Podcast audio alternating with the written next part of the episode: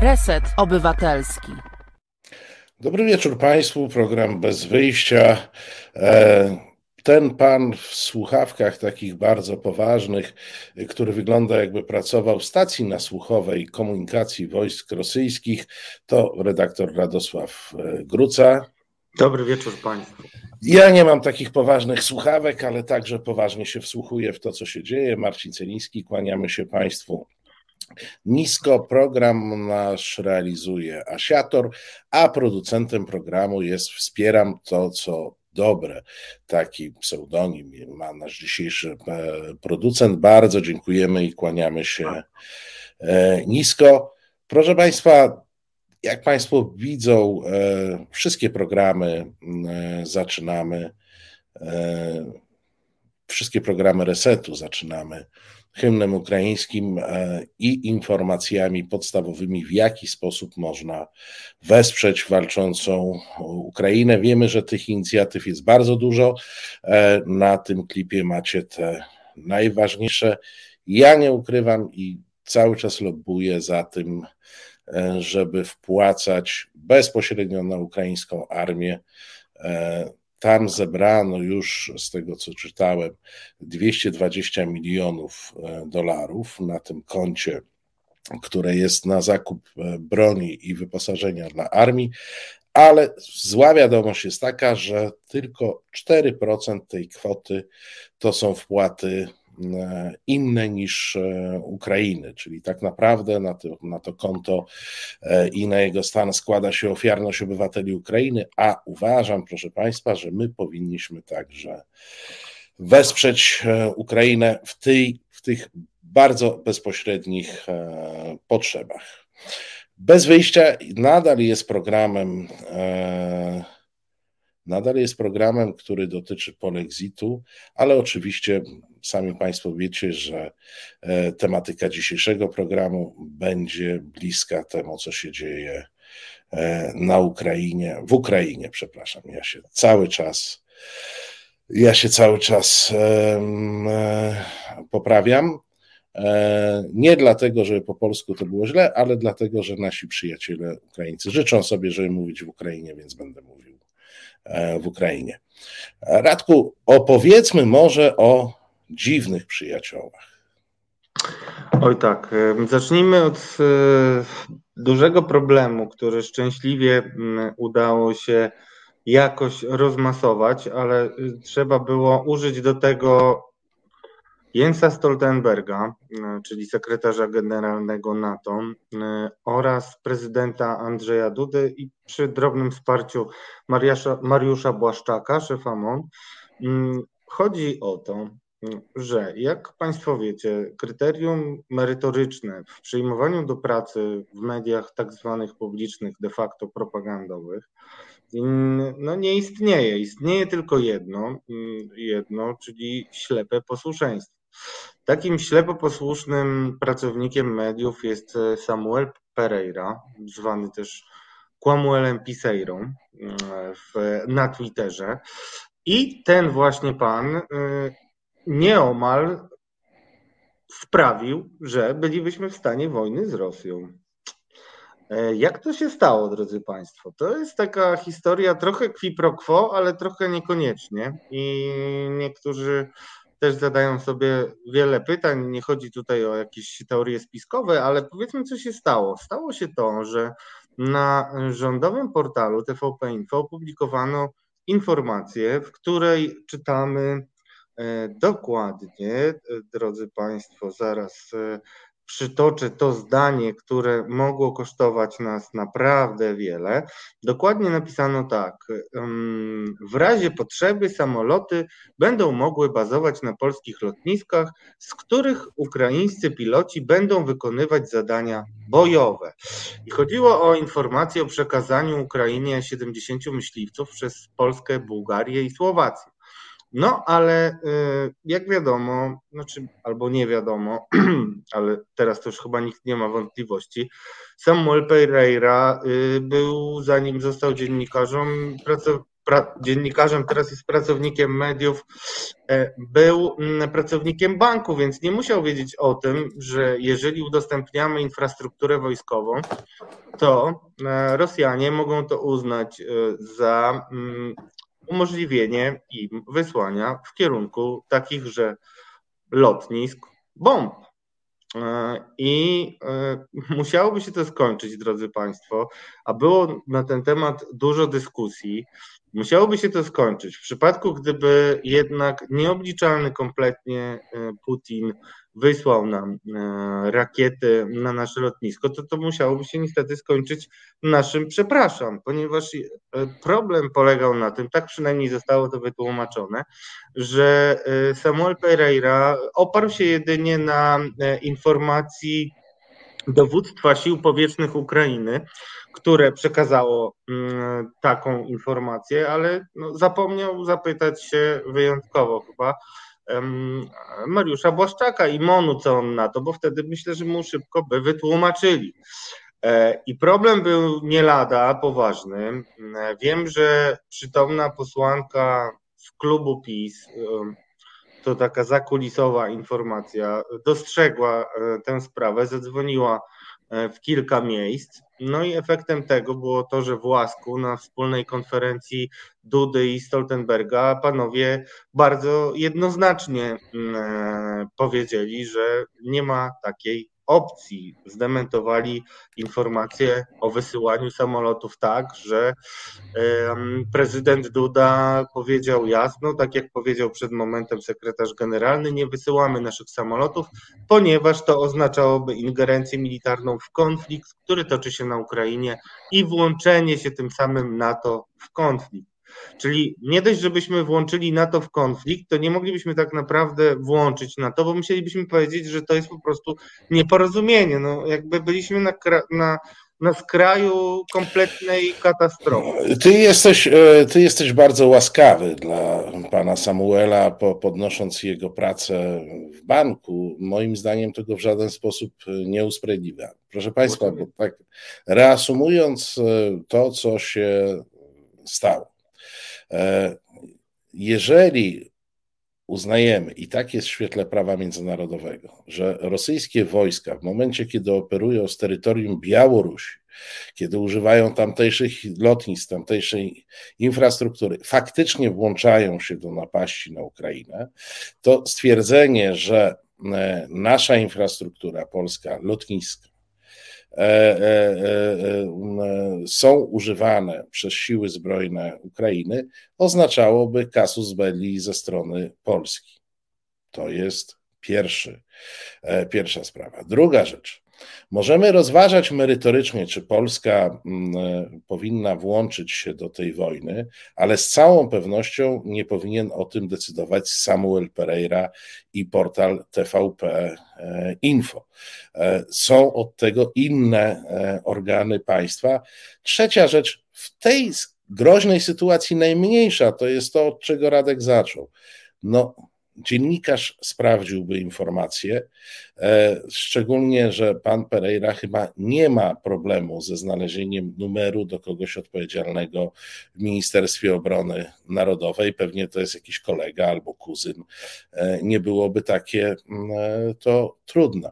Więc rzecz, która się wydarzyła, jest raz skandaliczna pod wieloma względami, dwa, mogła narazić nas wszystkich na daleko idące e, konsekwencje. I ja nie będę mówił swojego prywatnego zdania na temat, e, na temat wykorzystywania polskiej infrastruktury przez walczących Ukraińców, e, bo gdyby się działo tak, jak ja myślę, to i tak nie wolno by się było do tego przyznawać. Tak po prostu i wprost. To już tu kropkę, też... postaw, bo, kropkę postaw albo przecinek, żebym ja mógł powiedzieć, że po prostu rzeczywiście tutaj możemy się podpisać pod e, słowami Mariusza Błaszczaka, które ktoś mu na pewno e, podyktował, a Mariusz Błaszczak, e, szef MONU, zatwitował Tak, nasze wsparcie dla Ukrainy ma szeroki charakter. Zapewniamy pomoc humanitarną, przyjmujemy uchodźców i dostarczamy sprzęt ze względu bezpieczeństwa. Nie możemy jednak przekazywać opinii publicznej wszystkich szczegółów. I w tym wypadku, drodzy Państwo, ja jako ten, który zawsze transparentność nosi na czole i wbija ją niektórym do głów, Jestem w stanie to uznać. I jeszcze tylko jedna uwaga, zanim e, wkroczy nasz gość. Państwo pewnie się zetknęli. E, są apele w sieci e, związane z tym, że po Polsce w tej chwili przemieszczają się konwoje sprzętu, konwoje wojska, latają przeróżne urządzenia po polskim niebie. Naprawdę nie jest właściwym pierwszy odruch zrobienia zdjęcia i wrzucenia do sieci. E, jako ten drugi poradku, który e, absolutnie jest za transparentnością i jawnością, w tym konkretnym e, przypadku dajcie sobie spokój z tymi zdjęciami albo zachowajcie te zdjęcia do pokazywania wnukom. Pamiętajcie, że zdjęcia zawierają metadane, które pokazują, gdzie zostało zrobione, kiedy i tym podobne. Nie musimy, niech, niech Putin wysila swój wywiad, nie musimy zastępować wywiadu e, Putina, dostarczając mu wszelkich możliwych informacji. Ale to tyle o militariach, bo jest z nami już gość, pan profesor Maciej Duszczyk z Uniwersytetu Warszawskiego. Dobry wieczór. Dobry wieczór. Dobry wieczór. E, no i pogadamy o specjalności e, pana profesora, czyli kwestiach uchodźczych, bo mamy w tej chwili sytuację taką, że e, ta fala uchodźców, e, która napływa z Ukrainy, jest e, przyjmowana przede wszystkim w inicjatywach prywatnych, samorządowych, na zasadzie pewnego pospolitego ruszenia. Natomiast na dłuższą metę i generalnie powinno być to jak sądzę, uporządkowane i mm, poddane pewnym procedurom.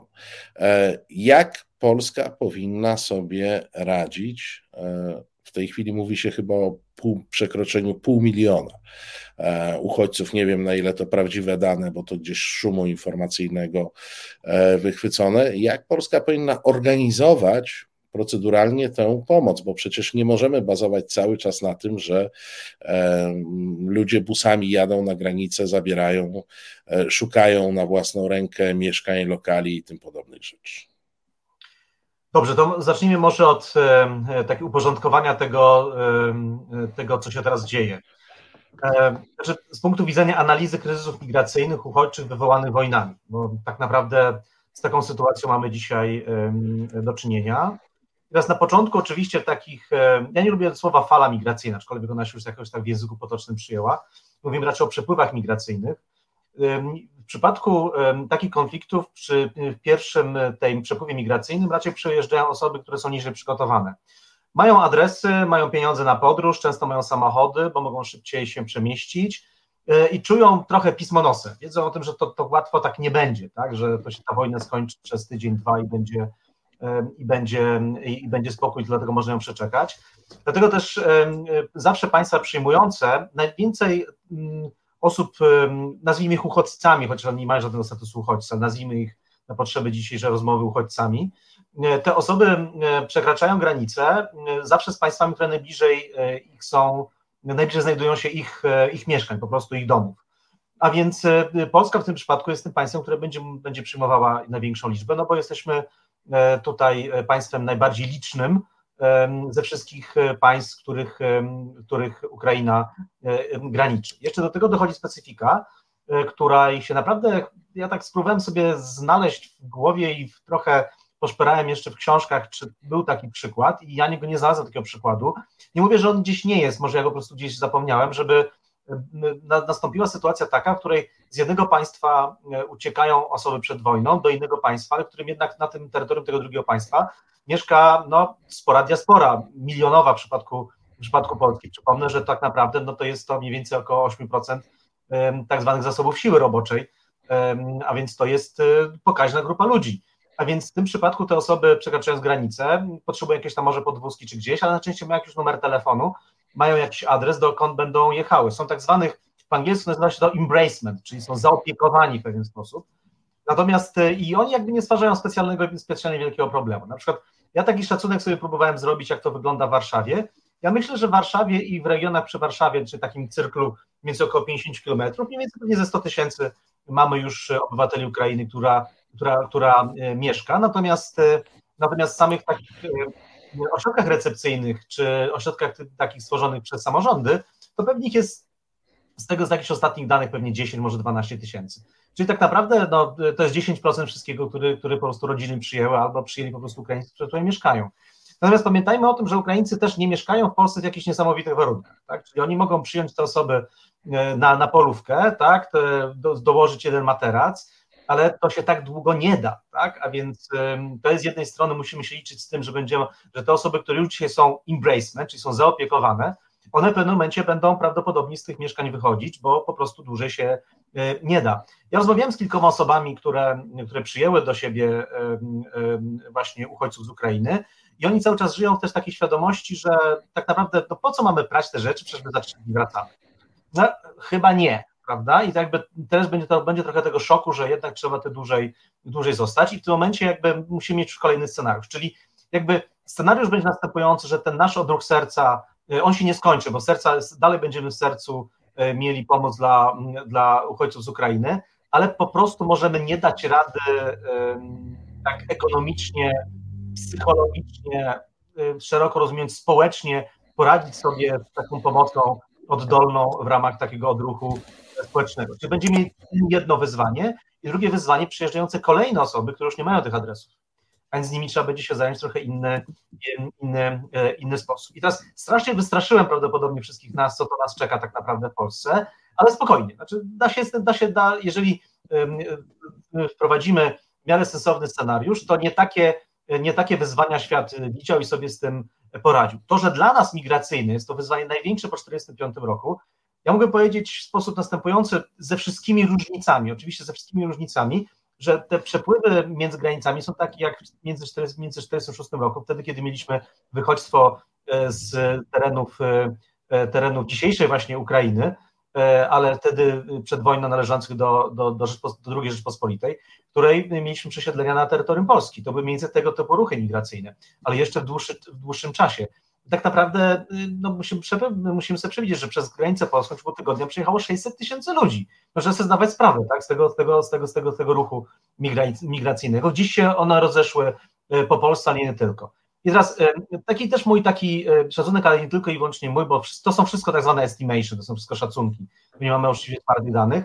Mówimy o tym, że mniej więcej tak gdzieś 30-40% z Polski wyjechało, a więc pojechało gdzie indziej, tak? Znaczy, bo Wczoraj robiłem, przyjechałem przez, popatrząc sobie, jak wygląda Warszawa i przy ambasadzie Stanów Zjednoczonych naprawdę było bardzo dużo ludzi, niewidocznych już naprawdę bardzo, bardzo długi czas. To byli głównie Ukraińcy albo obywatele innych państw, którzy przyjechali z Ukrainy do Polski i starają się wiz amerykańskich, po prostu tam mają rodziny. Do mnie też, e, e, w związku z tym, że często występuję w mediach, to stałem się też takim łącznikiem trochę, bo większość osób myśli, że ja wszystko tak naprawdę mogę teraz załatwić, no bo skoro w mediach jestem, E, i pisze do mnie w różnych sprawach. Na przykład ostatni kolega do mnie napisał, czy ja nie znam kogoś w ambasadzie kanadyjskiej, bo właśnie on przyjął rodzinę, ale oni są tylko na chwilę, bo mają e, rodzinę w Kanadzie i chcą dostać wizę kanadyjską, żeby jechać do, do Kanady, prawda? Więc jakby tak to będzie. Ludzie będą się gdzieś tam, e, gdzieś tam się rozjeżdżać, ale jednak szacujemy, znów szacujemy, około 50% z tych, którzy przyjadą, zostanie z nami a więc to i nadal będzie nie tak wielkie wyzwanie, jak nam się teraz serwuje tutaj w mediach różnego rodzaju, że mamy 600 tysięcy już uchodźców w Polsce. Nie mamy 600 tysięcy, mamy pewnie 400. Natomiast, e, natomiast ci, którzy będą no, e, przyjeżdżali kolejni, też będą w różny, różny sposób się, się rozjeżdżać. Tylko podstawą myślenia tego wszystkiego jest to, że ludzie e, to nie są pionki. Ludzie mają swoje potrzeby, mają swoje oczekiwania, mają swoje historie, są w różnym stanie psychicznym te osoby, które są teraz, są w dobrym stanie psychicznym, ponieważ nie, nie przeżyły bombardowań. One generalnie stały w kolejce do granicy, żeby się przedostać, czyli były to był jeden, dwa dni. Za chwilę będziemy mieli e, uchodźców uciekających już nie przed ryzykiem bomby, tylko przed bombą.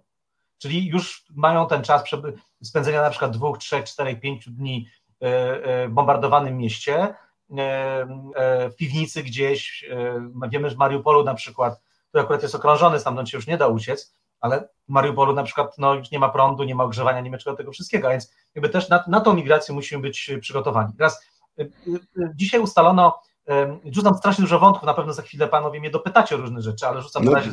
Właśnie notujemy na razie. Okej. Okay. Dzisiaj mieliśmy też informację taką, że te rozmowy pokojowe zakończyły się decyzją o, o korytarzach humanitarnych. Świetnie.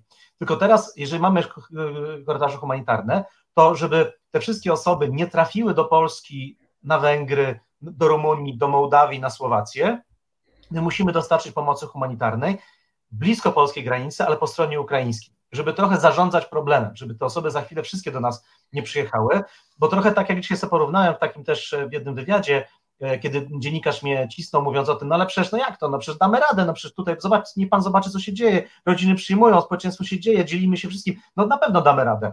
No to ja mu trochę zacytowałem kiedyś to, co Polacy mówili na temat Angeli Merkel, która powiedziała o tym, tak, damy radę, weźmiemy wszystkich i, i, i okej. Okay. No okazało się, że nawet Niemcy nie dały radę, bo, bo po prostu w tym momencie te liczby e, są zbyt duże, żeby dane, dane państwo sobie po prostu z tym, e, z tym poradziło. A więc musimy zarządzać na kilku frontach. E, złe słowo fronty, na kilku odcinkach, tak, żeby to już nie, tej militarnej języka nie prowadzać. Po pierwsze, starać się pomagać, zapewniać pomoc humanitarną na miejscu, czyli jeszcze na, na Ukrainie. Tworzyć tam pewnego rodzaju miejsce, bo tam są ludzie, którzy mówią po ukraińsku, bo są, oni znają tę administrację i tak dalej, i tak dalej. To są twardzi ludzie, tak? Znaczy, nie oszukujmy się, tak? Także część z tych osób, która może być E, zaopiekowana jeszcze na, na terytorium Ukrainy, powinna tam w pewien sposób jeszcze przyjść do momentu, kiedy nie trzeba będzie rzeczywiście już uciekać w tak zwanym trzecim wariancie, wtedy kiedy już Rosjanie podchodzą do polskiej granicy, po prostu wszyscy w tym momencie już uciekają, bo nie ma tych miejsc możliwego bezpieczeństwa ucieczki. Ja dzisiaj też rozmawiałem z ludźmi spod Kijowa i pod Iwono-Frankowska, tam generalnie jest spokój jeszcze, tak? Także te osoby mogą tam czasowo również również przybywać. Może nie w dużych miastach, które są niebezpieczne, ale obok miast, y, y, y, obok miast pewnie można to, to zrobić, tylko cały czas założeniem, że to prawdopodobnie nasza odpowiedzialność, bo Ukraińcy tego nie zrobią teraz. Po prostu nie mają takich fizycznych możliwości. Tak? Oni, oni toczą wojnę. My musimy, my musimy im pomóc po prostu to, z tym poradzić. Czyli jeden odcinek to jest pomaganie na miejscu. Drugi odcinek. Panie profesorze, to ja może od razu zacznę, bo to warto jednak dopytać, bo e, to znaczy, e, czy mamy rozumieć, że takie punkty recepcyjne mają być przed granicą i gdzie ci ludzie mają się podziać? Mają tak naprawdę zostać przesiedleni z zachodu na wschód? Znaczy z, tak. ze wschodu na zachód, tak? Tak by pan to. Jest, mhm. na, całym świecie, na całym świecie tak się dzieje. Tak, pamiętajmy okay. o tym, że Ukraińcy mają doświadczenie z tego. Ponieważ kiedy Rosjanie po raz pierwszy weszli w 2014 roku, 1,8 miliona ludzi, to jest tak zwane internal displacement persons, czyli, bo to nie są uchodźcy, to są, to są, to są tak wewnętrzni przesiedleńcy. Więc oni uciekają z terenów zajętych na inne tereny, które są pokojowe. Oczywiście skala tego problemu, który jest dzisiaj, to jest no, dużo większa niż ta skala, która mieliśmy w 2014 roku, ale jednak to się odbyło. Pamiętajmy o tym, że wtedy do Polski trafiło kilkuset uchodźców, tak naprawdę wtedy pamiętajmy.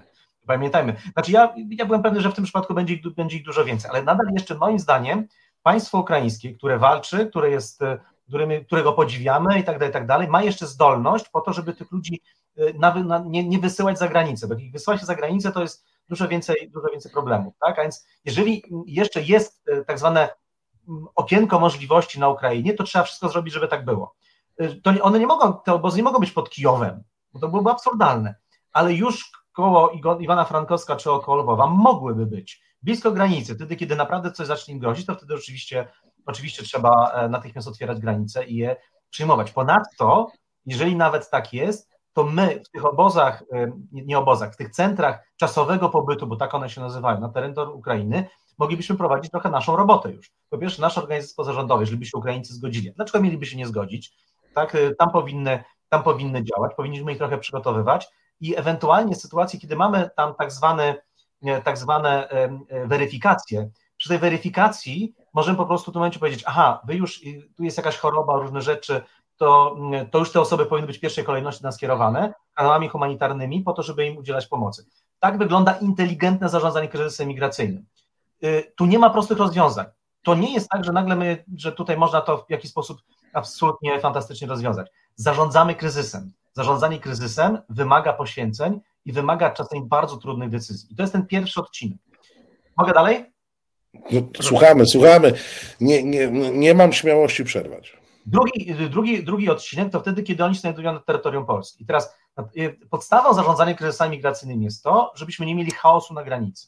Chaos na granicy polega na tym, że ludzie zaczynają przechodzić przez zieloną granicę i gdzieś tam się udawać, czyli tracimy kompletną kontrolę.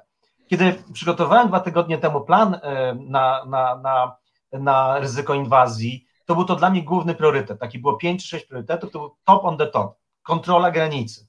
Ponieważ jeżeli nie mamy, nie kontrolujemy granicy, jeżeli Rosjanie się orientują, że my nie kontrolujemy granicy, to nie są przyjemni ludzie. Oni nam mogą robić tutaj bubu.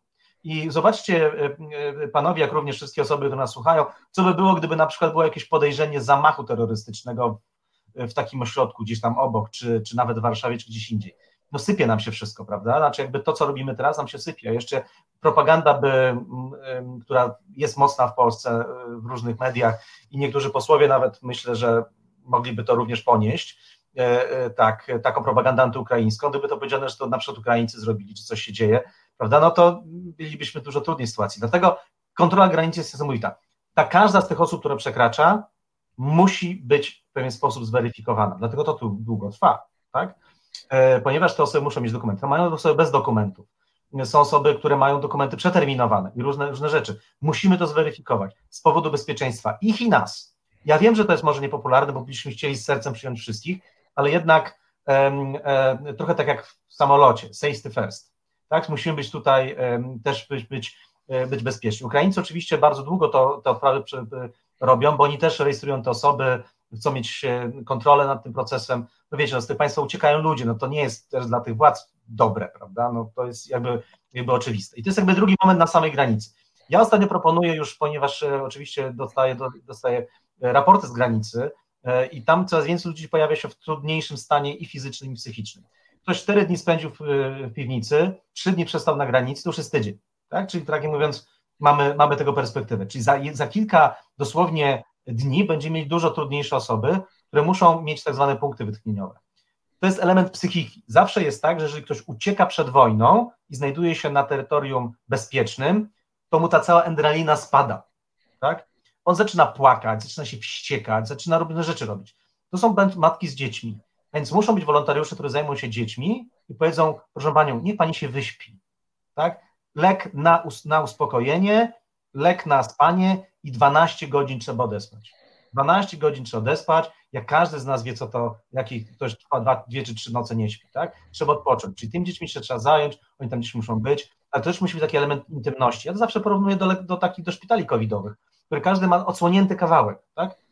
to tematek będzie głośno to na ustną, bo, bo to jest tak są zmęczone, że to nie będzie problem. Ale ten element intymności musi być jakiś zapewniony, prawda? Czyli muszą być jakieś takie miejsca, które muszą być ogrzewane, muszą być wyciszone. To wszystko jest, tak? To, tak, to się da po prostu zrobić, tylko to trzeba już, to już trzeba już mieć ten, ten plan, e, e, żeby to zrobić. Ja dzisiaj widziałem też zdjęcia e, z, z jednych z tych, zapomniałem, w takiej hali to jest może w Dorochusku tak naprawdę chyba to jest to, to miejsce, no to tam oni przygotowali się na miejsc 14, mają 60. Tak? No widać, że tam jest to łóżko koło łóżka, a to jest początek problemu. Tak? Trzeba zdawać sobie sprawę, że to jest początek problemu prawdopodobnie. Oby, oby nie było, ale trzeba być przygotowane na kolejne etapy. Czyli to jest ten element granicy. Następnie to, te osoby relokujemy wzdłuż, relokujemy po Polsce do bardzo różnych miejsc, do rodzin, ok, i tak dalej, i tak dalej. Tu trzeba bardzo uważać. Ja się rozmawiałem z profesorem Lasocikiem, bo spotkaliśmy się dzisiaj on ma, bo on jest jedynym w Polsce specjalistą handlu ludźmi. Natychmiast usiedliśmy, pogadaliśmy e, e, w tej sprawie. Mówi mi, niestety dostajemy sygnały, że pojawiły się szajki handlu ludźmi już na granicy. Co oznacza, że na przykład, podał mi dwa przykłady. E, nasi wolontariusze doprowadzają czwórkę kobiet z dwójką dzieci do McDonalda, żeby tam odpoczęły. Przy nich się pojawiają dwóch mężczyzn, mówią o tym, my jesteśmy stamtąd, mamy was zabrać gdzieś tam, prawda? Jedna z nich no, coś tu jest nie tak, zadzwoniła na policję, panów, nie panowie, oni coś tam powiedziały, rozsądne kobiety bardzo, bardzo, bardzo rozsądne, prawda, coś tam powiedział, no to poczekamy, jeszcze chwilę dojemy i tak dalej, przyjechała policja, za wsiarz wzięła i zgarnęła, prawda, ale takiej sytuacji, kiedy nie będzie takich, e, takiej sytuacji, będziemy mieli, prawda, to musimy, to się dzieje na polskim terytorium, prawda, pojawia się włoska mafia, y, gdzieś tam podobno już, y, z tego co relacja z pana profesora E, lasu to się naprawdę na tym świetnie zna. Teraz oni przygotowują następującą rzecz, 20 tysięcy ulotek, które każda kobieta, która będzie przychodziła granicę, powinna dostać. Po ukraińsku, po rosyjsku, po angielsku, lotka. Droga pani, tak to wygląda u nas, proszę uważać, bo przestępczość jest wszędzie. Ja to widziałem w Pireusie, prawda? Będziemy mieli porwania dzieci. Też niestety, to widziałem w Pireusie. prawda? W chaosie. Teraz my jesteśmy państwem jednak w miarę dobrze jeszcze zorganizowanym i tą perspektywę również trzeba mieć. Czyli oprócz tej pomocy humanitarnej i tak dalej, to muszą być po prostu służby, policja, Straż Graniczna wyspecjalizowanych w tych sprawach, żeby po prostu chronić te osoby przed, chciałbym użyć bardzo brzydkiego słowa, ale się powstrzymam, wiemy jak, co, jakich słowa chciałem użyć na określenie tych panów, czy czasami pań, które robią takie świństwo. Prawda? A więc jakby to jest, to, to, to ten, też ten element trzeba sobie wziąć. Dlatego ten transfer między tymi, tą granicą, a, a granicą, a punktami czasowego pobytu, czy to w rodzinach, czy gdziekolwiek, gdzie musi odbywać się pod jakąś minimalną kontrolą, prawda? Jak ja widziałem te wszystkie te ogłoszenia, to z jednej strony odruch serca świetnie, że tak robimy, ale wiedziałem, że w tych tysiącach ludzi z tymi samochodami są również ci, którzy nie tylko zależy im na dostarczeniu tych osób z Ukrainy do ich miejsc, tylko mogą mieć różne inne, e, inne e, cele tak naprawdę tego, że na tej granicy się pojawili. 99% jest uczciwych, ale musimy wyłapać ten 1% po to, żeby nie dochodziło do tragedii ludzkiej, które są stwarzane niestety, które są przy takich kryzysach zawsze są kryzys Dlatego ja bardzo wolałem, żeby to były autobusy, pociągi, lepsze pociągi są. Już od razu napisałem, pociągami to róbmy, prawda? Bo tam jest dużo ludzi, nie można nikogo uprowadzić, co się dzieje, to się krzyczy i tak do jednego miejsca, później relokowanie już na miejscu jest dużo łatwiejsze, prawda? Autobusy. Natomiast jakby, no ja rozumiem, że to było, że tak duża liczba ludzi i to było nie do końca, nie do końca przygotowane. Ale i tak i tak ja uważam, że na czwórkę plus na razie ten egzamin, na pierwszą kartkówkę Y, y, na egzaminu jakoś tam zdalimy, zdajemy, natomiast jakby oczywiście jaka będzie ocena na koniec, to jeszcze jest parę klasówek i parę kartkówek po drodze, żebyśmy mogli postawić ocenę na końcu. Mamy, jesteśmy już w innym miejscu, daleko od granicy, te osoby są relokowane i są w rodzinach, prawda? Są w rodzinach, ale jak wiemy o tym, nikt w rodzinach nie zastanawia się na, na, na ile, kiedy daje to ogłoszenie, na ile ja się zgodzę. Czy na tydzień, czy na dwa tygodnie, na miesiąc, czy na, czy na, na to troszeczkę już mówiłem prawda? Czyli jakby też to, czy, to też będą. Będą chodzić do konfliktu, będzie różne rzeczy tutaj następowało. Także dzisiaj y, ja też nawet widziałem y, relację, y, rozmowy z panem ambasadorem Magierowskim, który coś takiego, świat nas podziwia, bo przyjechało 600 tysięcy uchodźców i nie ma żadnego obozu dla uchodźców. E, Okej, okay, ale one będą.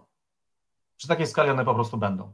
Nie będą może takie, jak znamy z Mori czy gdzieś, ale będą na dużych halach. Myślę, że szpitale pokowidowe, to będą te miejsca, w których te osoby będą mieszkały, bo tak naprawdę te ośrodki recepcyjne już się przerodziły nie w ośrodki recepcyjne, tylko czasowego pobytu, prawda? A więc takie miejsca będziemy mieli. Hala jest przygotowana w Warszawie jako ośrodek recepcyjny, ale to nie jest ośrodek recepcyjny, którym się spędza dwie godziny, tylko tam jest po prostu już kilkaset, e, kilkaset, e, e, kilkaset, kilkaset łóżek polowych po to, żeby te osoby przyjmować. Widziałem dotyczące kolei, tak, tak, znaczy to chodzi o to, żeby, to, żeby, żeby te osoby przyjechały do samej granicy, a później po prostu się już je, później się autobusami dowiezie do, do, do, do pociągu i, i, da się to zrobić. Koleje mazowieckie, z tego co wiem, nagle bardzo dobrze opracowały taki ten model. To jest na pewno problem, prawda? Ale jakby chodzi mi o to, że to musi być jeden, jeden z takich elementów zarządzania, zarządzania tym, zarządzania tym, tym, tym, tym, tym problemem. I ostatnia rzecz, którą. Ja mam jedno pytanie a propos tego zarządzania, no bo jak, muszę się trochę poprzyczepiać, ale w dobrej wierze, bo znam dokument, który wyszedł z gmachu tak zwanego, czyli z MSZ-u, gdzie były rekomendacje na wypadek ewentualnej agresji zbrojnej, e, która ma miejsce. Teraz i to jeszcze w skali i z determinacją tak bym to nazwał, bestialstwo większą niż e, kiedykolwiek e, chyba większość z nas myślała. I w e, tych rekomendacjach były między innymi właśnie opracowania sieci kolejowej, zapewnienia energii, co się teraz już powoli zaczyna działać, ale to było dwa tygodnie temu. Jeżeli mamy dzisiaj takie problemy, to czy tak naprawdę możemy mówić o jakimś przygotowaniu, bo znowu jest tak, że tak jak niektórzy mówią, mamy Wielką Orkiestrę Świątecznej Pomocy, pomocy dla y, uchodźców, dla przybyszów z Ukrainy, no ale to jest jednak wydarzenie, które dzieje się realnie raz w roku. To jest akcyjność, potrzeba serca i dbania o bliźnich, która prędzej czy później no, musi wygasnąć, bo tak są ludzie skonstruowani. I teraz pytanie, czy my w ogóle mamy jakąś strategię, panie profesorze, realnie, czy my działamy ad hoc? Nie wiem. A jak panu się wydaje? Bo dzisiaj to, znaczy właśnie, bo ja, mówię na podstawie dokumentów, które widziałem, tak? No i to jest cały problem, tak? Bo, je, bo wydaje mi się, że jeżeli pan nie wie, to ja się trochę obawiam, że jej nie ma. Znaczy, znaczy jest, jest Krajowy Plan Zarządzania Strategicznego, kryzysowego, przepraszam, w którym parę rzeczy jest, tak? Ja uczestniczyłem w, w tworzeniu scenariuszy również, które trafiły ostatecznie do MSWiA i wiem, że spotkały się z bardzo dobrym przyjęciem e, i to jest ok. Natomiast y, mnie zawsze w przypadku tego typu sytuacji przeraża hura optymizm. Że w ogóle jest rewelacja. W ogóle damy sobie radę. Znaczy, ja zawsze mówię to, co mówiłem wczoraj w Senacie.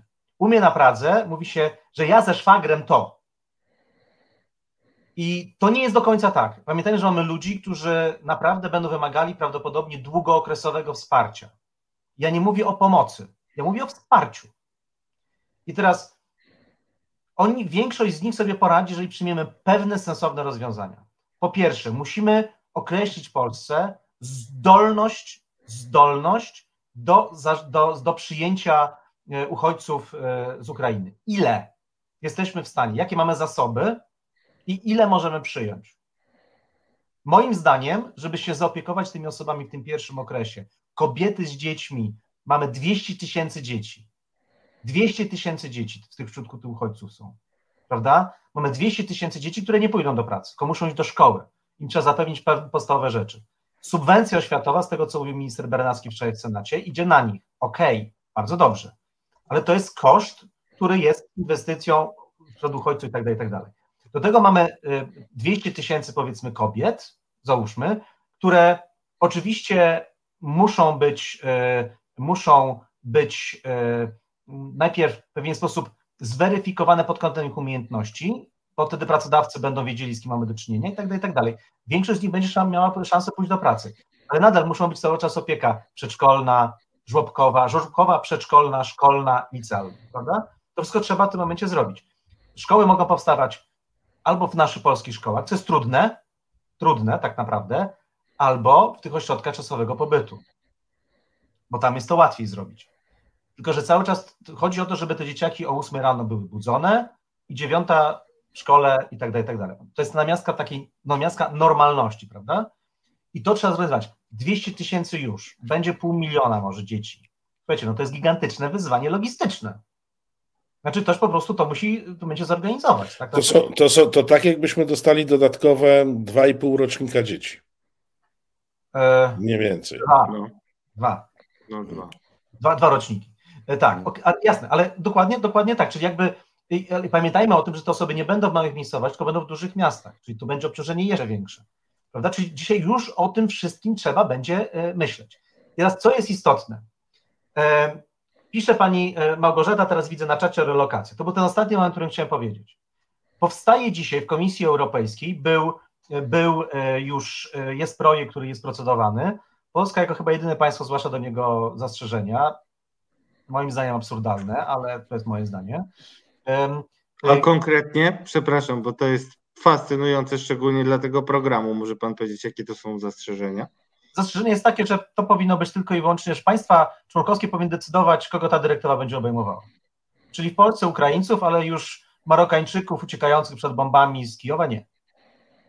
Bo ta dyrektywa mówi o tym, każdy, że nie ma czego, jest equal treatment. Bomby nie znają obywatelstwa. Czyli jeżeli ktoś ucieka przed bombami, prawda, i ma zaświadczenie. Polacy się boją o to, że ci uchodźcy, którzy byli na granicy polsko-białoruskiej, w jakiś nie wiadomo jakim cudem przeniosą się na granicę i będą w ten sposób chcieli wejść. Czy takie ryzyko jest zerowe? Nie, ono nie jest zerowe, hmm. ale to się weryfikuje. Jeżeli mamy tutaj studenta z Indii, który studiował 3 lata na Ukrainie medycynę, to naprawdę to jest 15 minut rozmowy, żeby to zweryfikować. 15 minut, żeby to zweryfikować, mamy z głowy. A ten, który ewentualnie przyjechał tam, jeżeli nie chcemy go, ja nie wiem dlaczego nie chcemy, ale jeżeli nie chcemy, bo mamy taką politykę migracyjną, prawda, no to wtedy da się to zweryfikować, wtedy mamy środki dla uchodźców i tak dalej, i tak dalej. No jesteśmy w kryzysie, prawda, no trzeba zarządzać kryzysowo. I teraz I teraz ja, ja bym, ja mam nadzieję, że jednak tutaj do, będzie dogadane ta dyrektywa, bo ta dyrektywa to jest tak zwany temporary protection scheme, czyli rozwiązanie ochrony czasowej, daje prawo do pracy, edukacji na terytorium wszystkich państw członkowskich. Czyli co to oznacza? Jak my zarejestrujemy taką osobę i damy jej kwit, jesteś uchodźcą z terenu objętego wojny Ukrainy, to masz prawo do pracy, do edukacji, do świadczeń socjalnych itd. Tak w dowolnym państwie członkowskim. Inne państwo członkowskie nie zakwestionuje tego, prawda?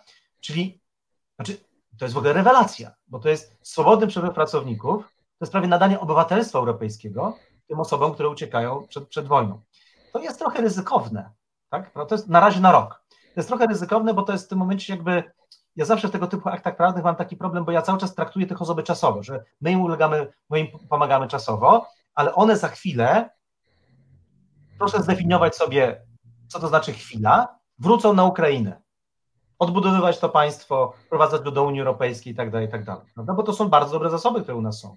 To są ci naj, w cudzysłowie, sól trochę ziemi ukraińskiej, która, która tutaj u nas jest. Prawda? Są lepiej, najlepiej wykształcone, przygotowane, no bo takie niestety osoby albo na szczęście uciekają w pierwszej kolejności e, przed wojną, z dużymi kontaktami społecznymi również, prawda, za granicą. Więc to są te osoby, które powinny, powinny wracać za granicę. Więc jeżeli my damy wszystkie te prawa i też osoba pojedzie na przykład do, do Niemiec czy do Holandii, znajdzie tam pracę, wynajmie dom i tak dalej, mieszkanie i zobaczy, no to może przyszłość moich dzieci jest już tutaj na Ukrainie. To jest ryzykowne.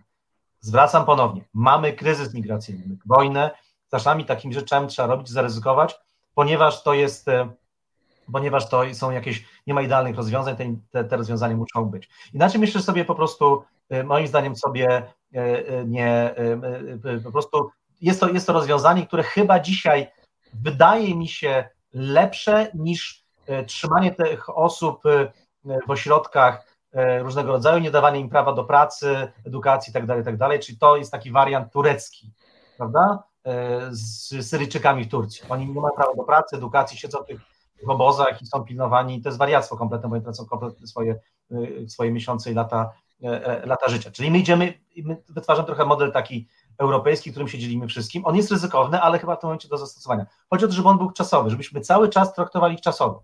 Tak, czasowo, że oni jednak za jakiś czas wrócą, e, wrócą na Ukrainę, bo dzisiaj 90% z nich mówi o tym, że wraca do Ukrainy. No tak, ale to, to powiedzmy zależy nie od nas ani nie od nich, tylko zależy od tego, co tam się dalej będzie e, działo i to, i, i, to jest jakby rzecz przyszła i niepewna.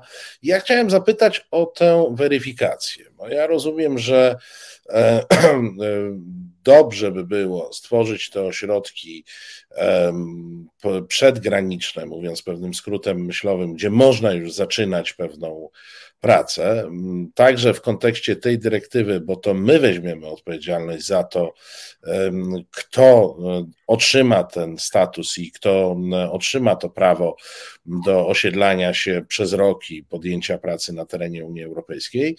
E, już w tym momencie pojawiają się e, oczywiście w dużej mierze napędzane przez tych, którym się nic nie podoba, jeśli chodzi o migrację, zastrzeżenia co do tego, czy polskie przejścia graniczne mm, właściwie weryfikują e, ludzi, którzy przez nie przechodzą. No a im bardziej właściwie, mówiąc w cudzysłowie, będą weryfikować, tym kolejki będą dłuższe i tym gorzej e, będzie na tych, na tych przejściach. Pytanie, czy tutaj nie powinniśmy e, poprosić o pomoc Frontexu przy, przy całej tej operacji?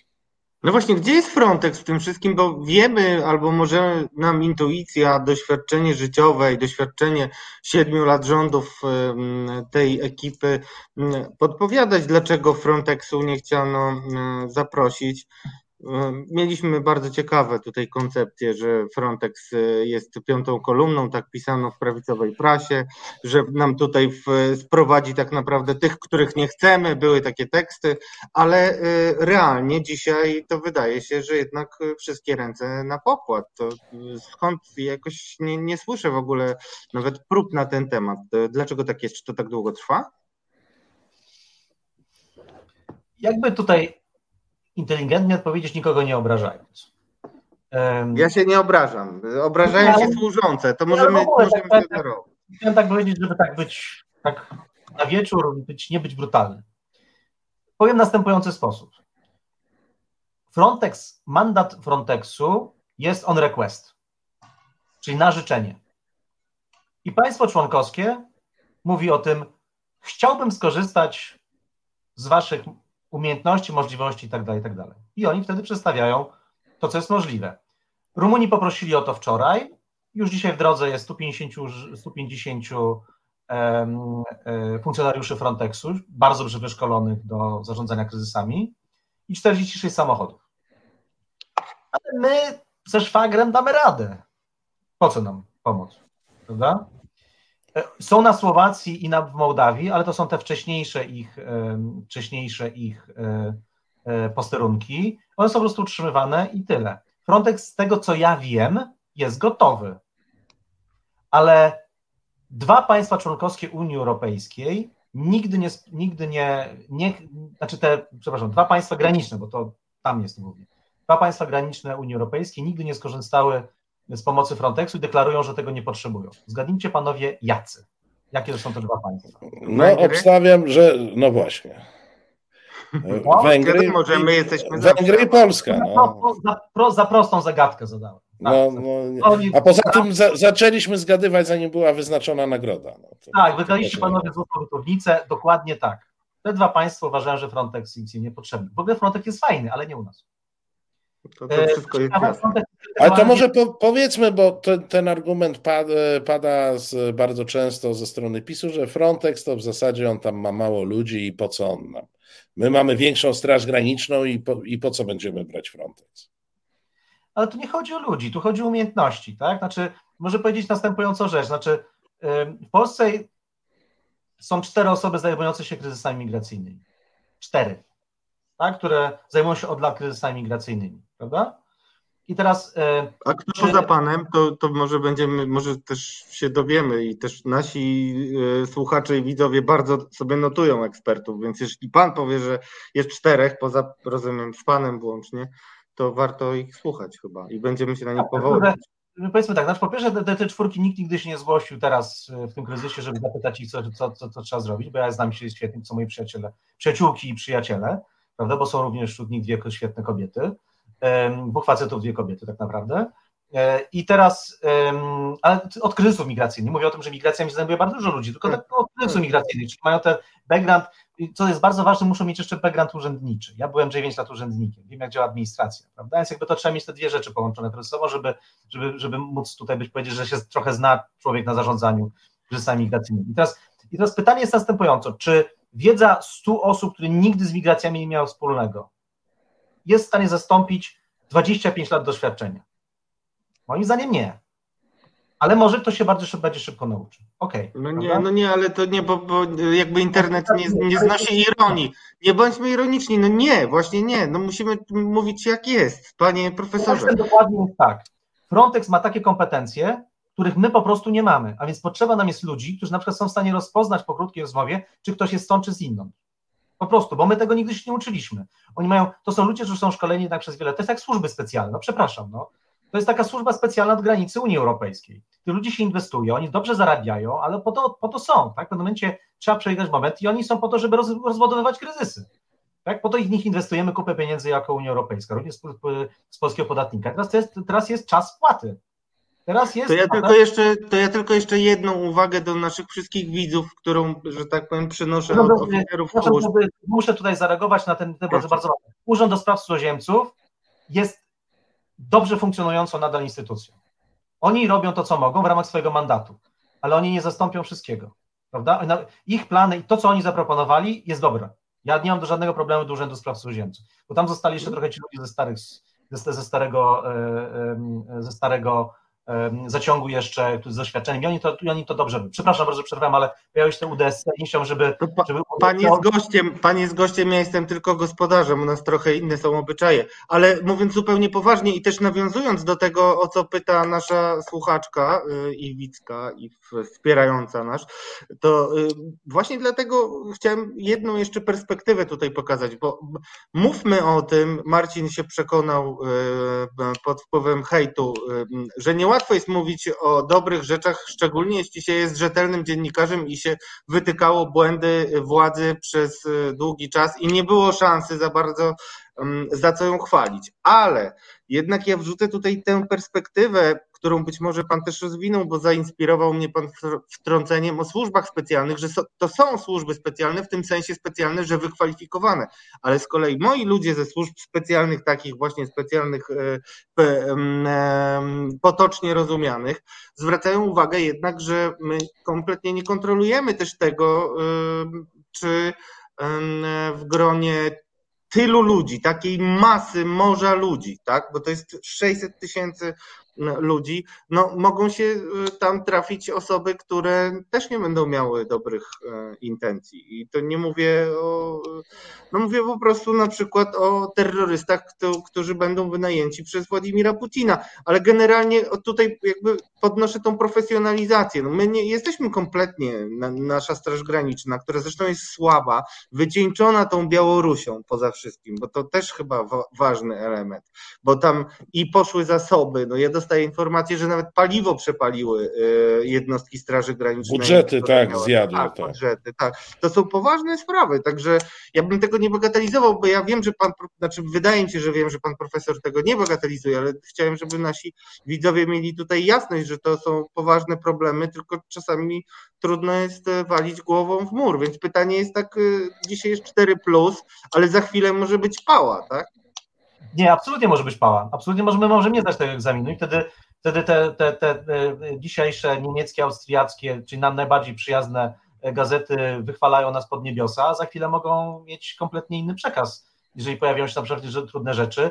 Jeśli chodzi o terroryzm, to ja mam cały czas żyję w takie przekonanie, że ja nie znam przykładu dużych akcji terrorystycznych powodowanych kryzysami migracyjnymi, bo jednak ci terroryści chyba mogą się jakiś łatwiej dostać w inny sposób, tak, niż koniecznie z tłumem migracyjnym to bardziej mogą być jakieś osoby, które na przykład uciekły z więzień, tak? Znaczy gdzieś tam się mhm. zdarzy taki małego. No na przykład, tak, tak. tak, tak. Znaczy myślę, że jakby, znaczy ten terroryzm taki y, państwowy, który wykorzystywany jako instrument polityczny, prawda, no to raczej oni mają inne, inne źródła, z tego co, tego, co mówię. Patrz, ja nie wiem, znaczy generalnie y, jakby ktoś, kto zajmuje się migracjami, to raczej stara się uciekać od terroryzmu, bo nie ma takiego prostego potwierdzenia, że migracja jest związana z terroryzmem. Nie.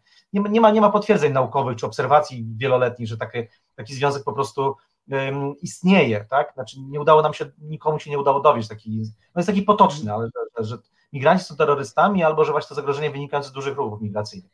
Natomiast rzeczywiście mogą pojawiać się w tych, tych, tych masie, są bardzo różne osoby. Oczywiście, że tak, prawda? I, i, i tak możemy i tak możemy i, i, tak może i tak może po prostu być. Natomiast natomiast jakby z punktu widzenia jakby tego kolejnego wyzwania to rzeczywiście musimy zdawać sprawę wszystkie ręce y, na pokład, bo dzisiaj, tak jak jesteśmy na tym etapie, gdzie wszyscy nam się generalnie jakoś tam poukładali, ale tak jak powiedziałem, to jest, to jest absolutnie początek. Teraz, teraz będzie wymagało, nie tylko będzie wymagało to od Straży Granicznej, od WOT-u, od policji, od ludzi zajmujących się migracjami, od dziennikarzy, tylko będzie zależało to praktycznie od każdej grupy społecznej, która w Polsce istnieje. To muszą być nauczyciele, to muszą być urzędnicy, to muszą być pracodawcy, to muszą być e, e, urzędy pracy. Praktycznie w każdym momencie to muszą być piekarnie. Wiecie, no, to jest ileś tam ludzi więcej, trzeba więcej pie, na przykład chleba upiec, prawda? No to, to są takie rzeczy, które są logistycznie, trzeba to w pewien sposób od nowa trochę opracować. A więc jakby musimy się w pewien sposób z tym wszystkim oswoić, zrobić odetchnąć, tak jak wczoraj napisała moja koleżanka na, e, na, na, na Facebooku, zróbmy głęboki oddech teraz, po tym czasie i zastanówmy się, jakie są nasze zdolności, jakie mamy zasoby, jak można je najbardziej efektywnie wykorzystać. Zobaczmy, jak zrobić to dobrze. Nie zachowujmy się, że tutaj na sznurek i karton coś uda się poskładać, tylko zastanówmy się, jak możemy to zrobić, a w pewnym momencie powiedzmy następującą rzecz. Nie damy rady, potrzebujemy wsparcia. Ja sobie szybko policzyłem, szybko sobie policzyłem, przy miarę dobrej relokacji udałoby nam się relokować pewnie około miliona osób po Unii Europejskiej. Oczywiście nie można ich powiedzieć, nie można pani do Hiszpanii, a pan do Włoch. trzeba to zrobić z głową, prawda? Trzeba to logistycznie zaplanować, ale naprawdę dobry Excel z dobrymi informacjami, dwie, trzy infolinie plus nasze ambasady, które w różnych miejscach są, powinny to ogarnąć. Powinny to ogarnąć. Ale to, ale to, to powinno się dzisiaj już dziać. My już powinniśmy mieć kontakty z ludźmi. Proszę wyznaczyć, rząd włoski, kto, prawda, jak urząd, gdzie. Y, y, dzisiaj o 23, 22 Skype z tymi osobami kontroluje. Jutro dokładnie to samo, prawda? Możemy rzeczy. Jak jesteście przygotowani? Macie ośrodki, gdzie możemy ich relokować? Potrzebujecie, autobus potrzebujemy, tu może pociąg wyślemy, prawda? Ok, dobrze, mamy osoby, którym dzisiaj to co było świetne szpitale zrobiły, tak, które pediatryczne. Mamy dzieciaki, y, dzieciaki w bardzo trudnym stanie onkologicznym do Polski, zapchaliśmy nasz oddział onkologiczny, już nie ma żadnych miejsc, natychmiast Włosi powiedzieli, dawajcie nam trójkę, bierzemy, już dzisiaj w takim zgłoszeniu, mamy leki, mamy wszystko. Y, Niemcy mu wiedzieli, dobra, to my bierzemy dziesiątkę do tego szpitala, prawda? Trochę tak się odbywa. Tylko, że musi na końcu tego dnia być sztab ludzi w poszczególnych państwach, który będzie to ogarniał. Który będzie to ogarniał, prawda? My musimy jako państwo unijne zaproponować schemat i to zorganizować. Po prostu. Bo my będziemy z największym wyzwaniem. Czyli, proszę Państwa, największe wyzwania y, są przed nami. Wyzwania instytucjonalne, wyzwania, które spowodują, że ci ludzie, którym wszyscy w tej chwili chcemy pomóc i pomagamy, e, będą mogli czuć się e, stabilnie, bezpiecznie i czekać do tego momentu, kiedy będą podejmować decyzje o swoim dalszym życiu. No, czy będą wracać na, czy będą wracać do Ukrainy, czy e, będą ze swoim życiem robić cokolwiek innego, bo tu zresztą to, co pan profesor powiedział, to są żywi ludzie, którzy mają prawo mieć własne plany, własne uczucia i też nikt nimi nie może w sposób taki czysto przedmiotowy e, zarządzać. No, mogą mieć różne własne preferencje. Bardzo dziękujemy za tę dzisiejszą rozmowę i wyczerpujące informacje. Proszę, proszę, bardzo. Pamiętajmy o jednej rzeczy. Wszyscy ci ludzie, znaczy nie ma, nie ma po polsku takiego dobrego słowa. Ja czasami używam tych angielskich zwrotów. To jest obrzydliwe. Ja wiem, że tak nie powinniśmy robić w języku polskim, ale czasami po prostu brakuje jakiegoś słowa. I to jest ten human beings. Prawda? Po polsku to jest człowieczeństwo, ale to, nie, to człowieczeństwo nie oddaje słowa human being. Mhm. Prawda? Bo to jest coś więcej. Każdy z tych osób, które są, ma w sobie wszystkie przesłanki human being i musimy takich traktować. I takich traktować ze wszystkimi innymi rzeczami. A ja jednak wierzę w to, że większość z nich wróci na Ukrainę i za jakiś czas będziemy mieli demokratyczne, prozachodnie państwo na naszej wschodniej granicy, w której będziemy mieli rewelacyjne kontakty ze względu na to, co zrobiliśmy. Tylko za przeproszeniem, drodzy Państwo, nie spieprzmy tego, bo naprawdę coś zostało zrobione dobrze, a teraz trzeba to po prostu kontynuować, żeby mieć z tego e, korzyść w relacjach międzynarodowych, ale również mieć po prostu e, świetnie zrobione zadanie i spojrzeć w lustro, że daliśmy radę. Bardzo dziękuję za tę rozmowę. Ja też liczę na to, że słowa Orbana się spełnią i że tak naprawdę chodzi o to, żeby granice demokracji przesunąć daleko na wschód. E, raz bym się z Orbanem, z dzisiejszą jego wypowiedzią z, zgodził. Dzięki za tę rozmowę. na myśli chyba i tak naprawdę, ale. Słucham? Ale chyba miał co innego na myśli. Mówiąc. Ale to ja już też nie chcę za głęboko wchodzić w umysł Orbana, bo to może mi zaszkodzić. Dzięki piękne. Kłaniamy się, dobrego wieczoru. Kłaniamy się.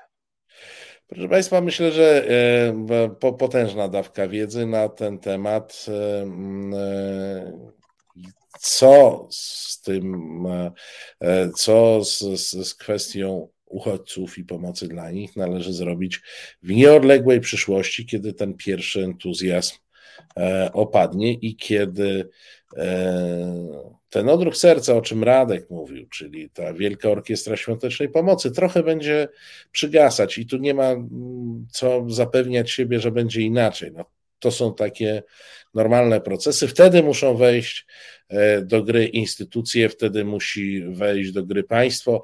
I jeżeli państwo polskie, to jest już mój komentarz, zechce wykorzystać potencjał NGO-sów, E, które w dużej mierze e, zbierają jakby kumulują tę energię społeczeństwa obywatelskiego, to myślę, że mamy bardzo duże zasoby do tego, żeby sobie dać e, radę z problemami i, jak mówił profesor Duszczyk, nie spieprzyć sprawy. Myślę, Radku, że w tej chwili zagramy chwilę, tak? Tak, momencik i niestety musimy pędzić dalej, ale ja bardzo dziękuję gościowi i to była pasjonująca rozmowa, którą naprawdę powinien każdy z nas sobie przemyśleć. Posłuchajmy muzyki. Reset Obywatelski. Medium, które wsłuchuje się w głos swoich odbiorców. Oj, zmieniliśmy się miejscami. E, Radosław Gruca zajął inną część studia, ja inną. To jest nadal program bez wyjścia. E, I proszę Państwa, kolejny nasz e, gość, którego zapewne rozpoznacie. Dobry wieczór, panie redaktorze. Dobry wieczór. Witajcie. Dobry wieczór.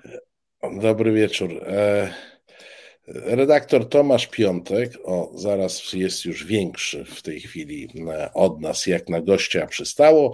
E, e, wyjątkowo, wyjątkowo w roli gościa w programie, który nam dzisiaj powie, no, o czym nam powie? Powie nam o tym, o tych, którzy nagle mimo wszystko podnoszą głowę. Przez pierwsze dni e, po ataku rosyjskim wydawało się, że e, piąta kolumna tutejsza e, będzie się działa cicho i ja pozwolę sobie na swój komentarz. Myślałem, że dłużej będą siedzieć w tych swoich zafajdanych norach, z których nie powinni wychodzić, ale jednak wyszli. Wyszli, wyszli, tylko my tutaj musimy sprecyzować, o której piątej kolumnie mówimy, bo my. O jesteśmy, tej, która wyszła. My jesteśmy krajem bogatym w piąte kolumny, powinniśmy sobie te piąte kolumny jakoś ponumerować. Kolumna piąta A, kolumna piąta B, albo na przykład mówić piąta kolumna, szósta kolumna, siódma kolumna. Mamy e, piątą kolumnę w kręgach rządowych i mamy też kolumnę piątą K, tak ją nazwijmy w szeregach Konfederacji, która była jawnie prokremlowska zawsze. No i rzeczywiście. No i, Im jest najtrudniej się wymigać dzisiaj, to tak ci powiem panoramicznie, bo dzisiaj się pochowały te duchy polexitowe na sekundę, czyli na 8 dni, moim zdaniem, bo teraz każdy wypina e, w PiS pierś do orderów, tam Solidarna Polska nawet walczy z PiSem, sobie wypominają, kto częściej porównywał Unię do ZSRR i takie różne są połajanki wewnętrzne. Natomiast no, ci po prostu mogą tylko milczeć i tam takie różne dziwne na przykład stanowiska, w którym e, ubolewają nad Ukrainą, ale e, trudno znaleźć tam w ogóle słowo o Rosji, tak jakby to ufolutki jakieś zaatakowały, a nie specnaz i poborowi e, Putina w miksie. Także dlatego też, gdybyś mógł dzisiaj nam powiedzieć o piątej kolumnie K, czyli Konfederacji, o której jeszcze nigdy nie rozmawialiśmy w programie Bez Wyjścia i wydaje się to nawet niezwykłe, bo w sumie to jest naturalne, bo my bardziej szukamy, zdrapujemy to, co jest takie mniej oczywiste dla niektórych być może, bo dla nas chyba dość jasne. Więc jakbyś mógł nam dzisiaj opowiedzieć co nieco o piątej kolumnie K, czyli jak Konfederacja, Tomku. No, e, e, panowie się zaczęli bardzo szamotać w pierwszych dniach. Mm, panowie mówię, bo wśród liderów jest zdecydowana przewaga mężczyzn. E, panowie zaczęli się szamotać w tych pierwszych dniach. Najpierw wystąpił Grzegorz Braun i wygłosił w Sejmie, na korytarzu sejmowym, niezwykłe oświadczenie. Stwierdził, że doszło do zdrady ponieważ do zdrady ojczyzny, zdrady stanu, ponieważ e, pozwolono na to w Polsce, żeby nasi sojusznicy, e, żołnierze zachodni, żołnierze NATO przebywający na terenie Polski, mogli e, używać broni również w czasie pokoju. Moim zdaniem to jest bardzo dobra decyzja, bo żyjemy, mamy wojnę hybrydową z Rosją i to nie będzie tak, że Rosja nam wypowie wojnę, a potem ktoś na przykład zaatakuje żołnierza amerykańskiego na naszym terenie. Znacznie bardziej prawdopodobne jest to, że żołnierz zostanie zaatakowany bez wypowiedzenia wojny. I to być może na przykład przez kogoś, kto wcale nie będzie e, rosyjskim soldatem, tylko będzie rosyjskim soldatem przebranym za Araba, prawda? I że to może być e, atak nagły i niespodziewany. No a my chyba wszyscy oprócz konfederatów chcemy, żeby nasi sojusznicy mogli się bronić, nie byli narażeni na e, niespodziewane ataki, przed którymi nie mogą się obronić. Chcemy, żeby nasi sojusznicy byli mocni i bezpieczni, bo wtedy my też jesteśmy mocni i bezpieczni.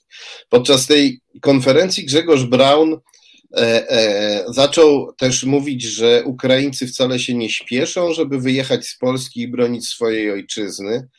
To było oczywiste kłamstwo, ponieważ ukraińscy mężczyźni w dużej liczbie jadą. E, część już wyjechała do Ukrainy, żeby tam walczyć. No i to wystąpienie nie, nie, nie spotkało się chyba z takim aplauzem, jakiego Grzegorz Braun oczekiwał.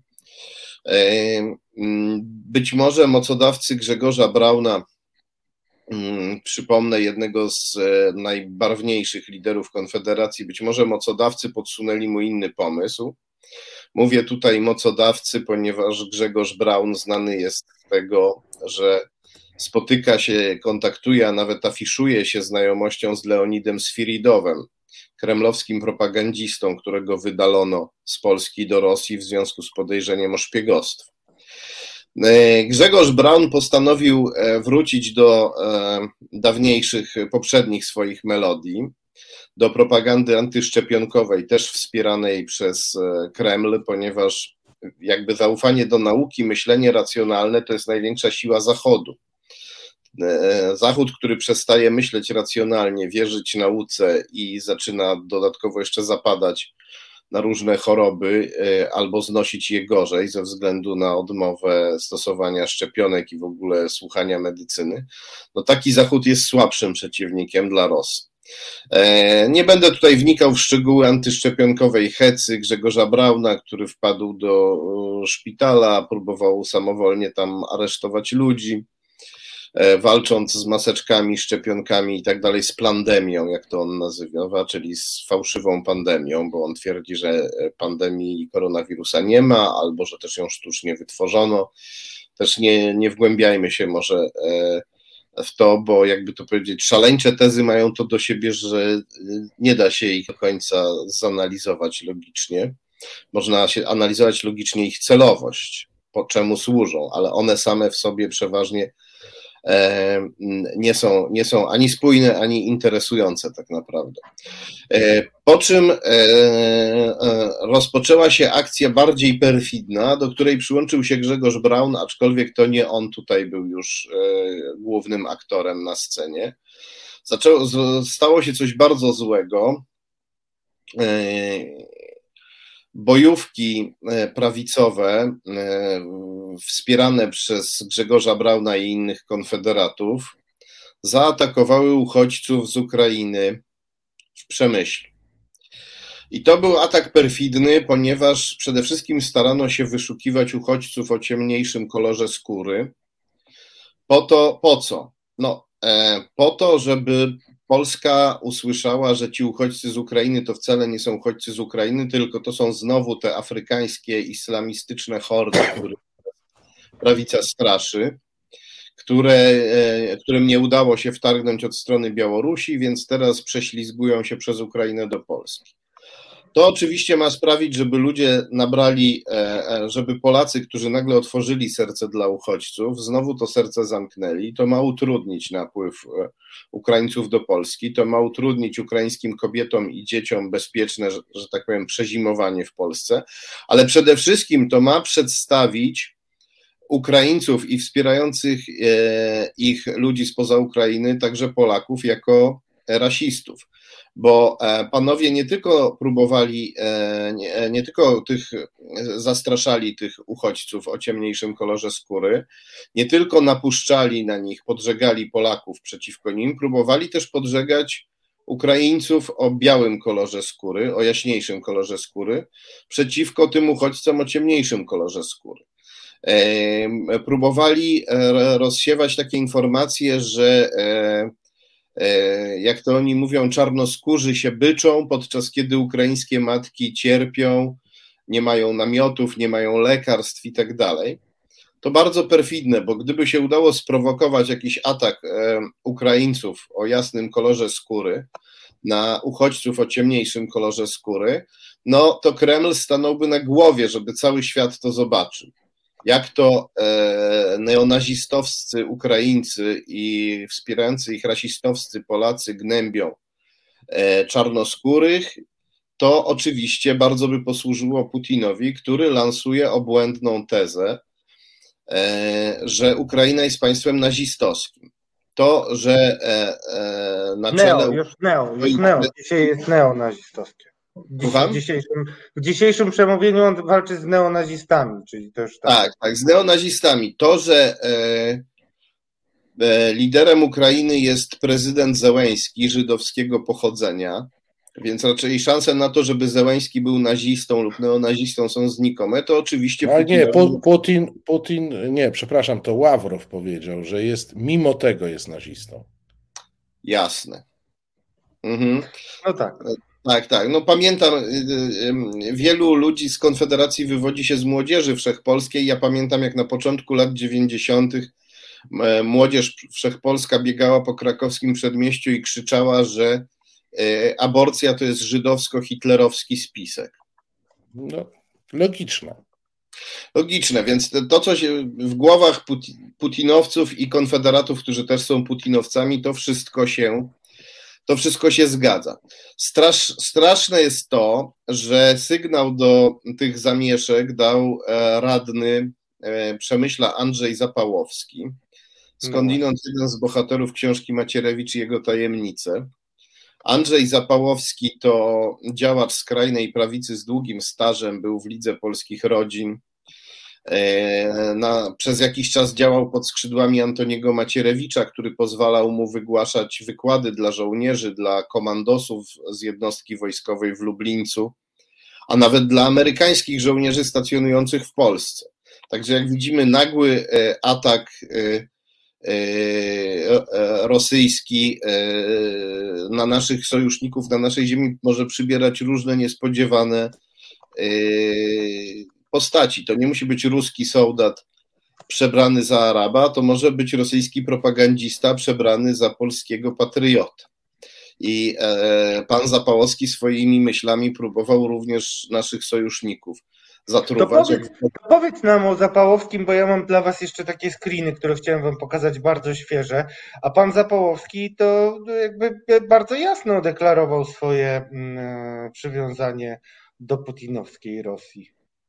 Pan Zapałowski przede wszystkim jest e, zawziętym wrogiem Ukrainy i on to pokazuje na, na wszystkie e, możliwe sposoby, włącznie z tym, że pewnego biskupa e, ukraińskiego zamęczonego na, na śmierć przez e, komunistów, uznawanego przez e, e, Kościół katolicki za męczennika, błogosławionego męczennika, on tego wymyślił, że temu biskupowi nieżywemu urządzi proces nad grobem i oskarżał go w swoich publikacjach o zdradę Polski. Jak tylko zaczął się, jak tylko zaczął, zaczęła się wojna w Ukrainie w 2014 roku, gdy Putin wtargnął do Donbasu i na Krym, Zapałowski zaczął e, powtarzać nieustannie wszędzie, gdzie się dało, że Ukraina się rozpadnie ta e, wypowiedź była cytowana w rosyjskich mediach, w których e, pan Zapałowski występował jako szacowny polski ekspert. E, to były przeróżne rosyjskie portale. Rubalt, to był Prawda TV, to był też portal, cytował, cytował pana Zapałowskiego, również portal E, separatystów putinowskich z Donbasu, Noworos Info. Ja nie słyszałem, żeby pan Zapolski się kiedykolwiek od tego odżegnał. Widziałem też, że występował w polskojęzycznym Sputniku, czyli w tym propagandowym medium kremlowskim, nadającym również po polsku, e, e, dla którego pracował pan Leonid Sfiridow, propagandista wydalony z Polski za, w związku z podejrzeniem o szpiegostwo. E, przyjaciel, e, dobry znajomy Grzegorza Brauna.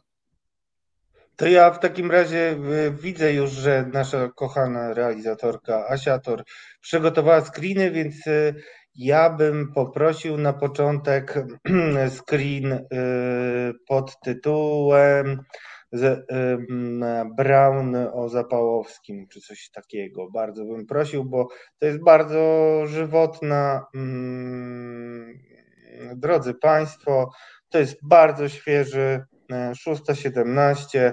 E, trwały prace dzisiaj, drodzy Państwo, nad ustawą e, o obronie ojczyzny i tutaj właśnie Grzegorz Braun poleca e, eksperta Zapałowskiego czasie, kiedy cały świat poza pięcioma państwami, między innymi Erytreą i Białorusią, e, potępia Rosję, to e, Grzegorz Braun ordynuje nam eksperta Zapałowskiego do ustawy o obronie ojczyzny, który, jak słyszeliście, e, poglądy mm, mm, antyukraińskie, to chyba nawet mało powiedziane, tak? Mm, e, prezentuje. jeszcze poproszę. Ale tak. do, dodajmy sobie w tym momencie wieść pocieszającą, a mianowicie e, pewnie z eksperta Zapałowskiego niewiele wyjdzie, e, ponieważ pan Brown nie został wybrany do komisji. Co zresztą, na co zresztą szalenie żalił się przed chwilą pan poseł Bosak, stwierdzając, że to jest absolutnie skandaliczne i niesprawiedliwe. To jeszcze poprosimy, y, żeby y, pokazać y, ten, tę postawę w stosunku do Ukraińców. To taki przewrotny, pewnie dla jego fanów śmieszny tweet Brown o UE i Ukrainie. To też bardzo świeże. Dzisiaj była aklamacja, jeśli chodzi o uchwałę sejmową, w której Sejm przez aklamację oklaskami wyraził poparcie dla Ukrainy w Unii Europejskiej.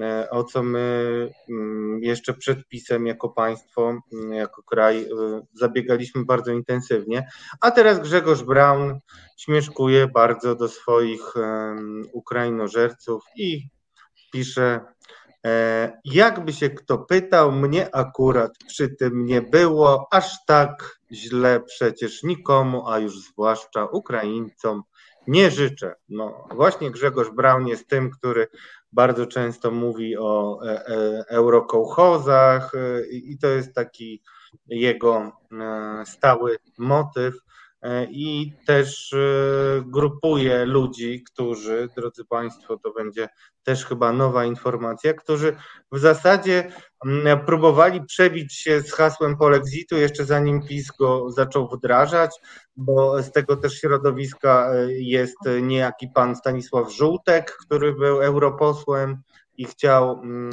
właśnie jako pierwszy rzeczywiście czemu to oddać, e, doprowadzić do referendum polexitowego i stworzyć nawet partię polexit. Więc to jest tego typu towarzystwo, tak w kontekście Unii Europejskiej.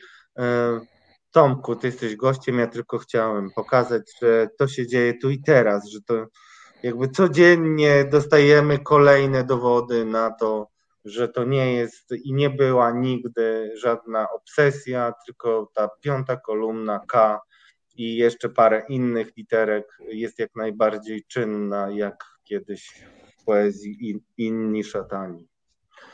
Tomku. Tak, tutaj dowcipkowanie jest e, też pewnym znakiem charakterystycznym tych ludzi, którzy się najwyraźniej przekonali, że e, największy poklask znajdują wśród osób bardzo młodych, mających, jakby to powiedzieć, takie dość e, niekiedy okrutne poczucie humoru. Nie mówię, że wszyscy młodzi tak mają, ale powiedzmy sobie wśród osób nie, o, może wśród osób niedojrzałych, niezależnie od wieku, no bo niektórzy są niedojrzali, niektórzy dojrzewają szybko, są młodzi i dojrzali, a niektórzy potrafią być niedojrzali do końca życia i wśród takich osób e, pewnie e, można zdobyć poklask za pomocą takich, e, takich dowcipów. Pan Zapałowski, radny z Przemyśla też sobie pozwalał na takie żarty, bo najpierw przedwczoraj, najpierw po południu zaczął takim manifestem na, fej, na Facebooku, na, zawołał, że ogłosił, że jeśli władze sobie nie zaprowadzą porządku w przemyślu, porządku z tymi właśnie czarnoskórymi, którzy tam rzekomo rozrabiają, to mieszkańcy wezmą sprawy w swoje ręce. Potem wybiegli chuligani na ulicę, a on zaczął wrzucać filmiki z tymi chuliganami, chwaląc ich jako patrole obywatelskie, takich nazwał, a potem e, pokazywał, jak ci przerażeni ludzie, ofiary tych uchodźców, uciekają przed biegnącymi w ich kierunku bandytami i pisał, że to jest zachęta do uprawiania sportu. Tak, tak, tak. Ja zresztą przeglądałem ten jego e, profil. On tam wrzucił kilka postów, e, ze trzy chyba, e, zupełnie kretyńskich na temat tego, wokół tego sportu. Tomek, ale jakbyśmy mieli sobie wyobrazić najbliższe tygodnie, bo pewnie w takiej perspektywie trzeba myśleć, no to tak, kierunek antyszczepionkowy chyba zupełnie wygasł jako emocja, na której można się wieść. Zresztą, jak pisze Anna Mierzyńska, antyszczepionkowcy w tej chwili zajęli się, e, zajęli się Ukrainą e, i Rosją. E, niepokojący jest ten kierunek rasistowski, szczególnie, że po doświadczeniach z reakcjami społecznymi na kryzys graniczny na granicy z Białorusią, to zdaje się, że tutaj pewien zasób E, emocji jest e, do wykorzystania. Z trzeciej strony mamy sondaże, które pokazują, że e, Konfederacja raptem nam zanika, jeśli chodzi o poparcie społeczne. Co, proszę Państwa, z czego nie należy się do końca cieszyć, bo taki sondaż oznacza, że oni się jeszcze bardziej zaktywizują. Jak myślisz, w jakich kierunkach piąta kolumna będzie maszerować, piąta kolumna K będzie maszerować w najbliższych tygodniach? Rasizm, tak, bo zastanawialiśmy się właśnie, dlaczego. E, e zastanawialiśmy się, po co to było Putinowi i Łukaszence, że przerzucali tych uchodźców na naszą granicę. No to oczywiście, e, to było, to było przede wszystkim oczywiste, że to jest poparcie dla PiS, no bo dzięki temu PiS mógł się e, występować w roli obrońców ojczyzny przed E, hordami islamistów, a nawet występowali w roli obrońców ojczyzny przed swoim przyjacielem Łukaszenko, z, z którym wcześniej przez kilka lat pili sobie z dzióbków i, i się obściskiwali w Mińsku. E, to, to, to pomogło PiSowi na jego dołujące sondaże, więc to była, to, to była pomoc.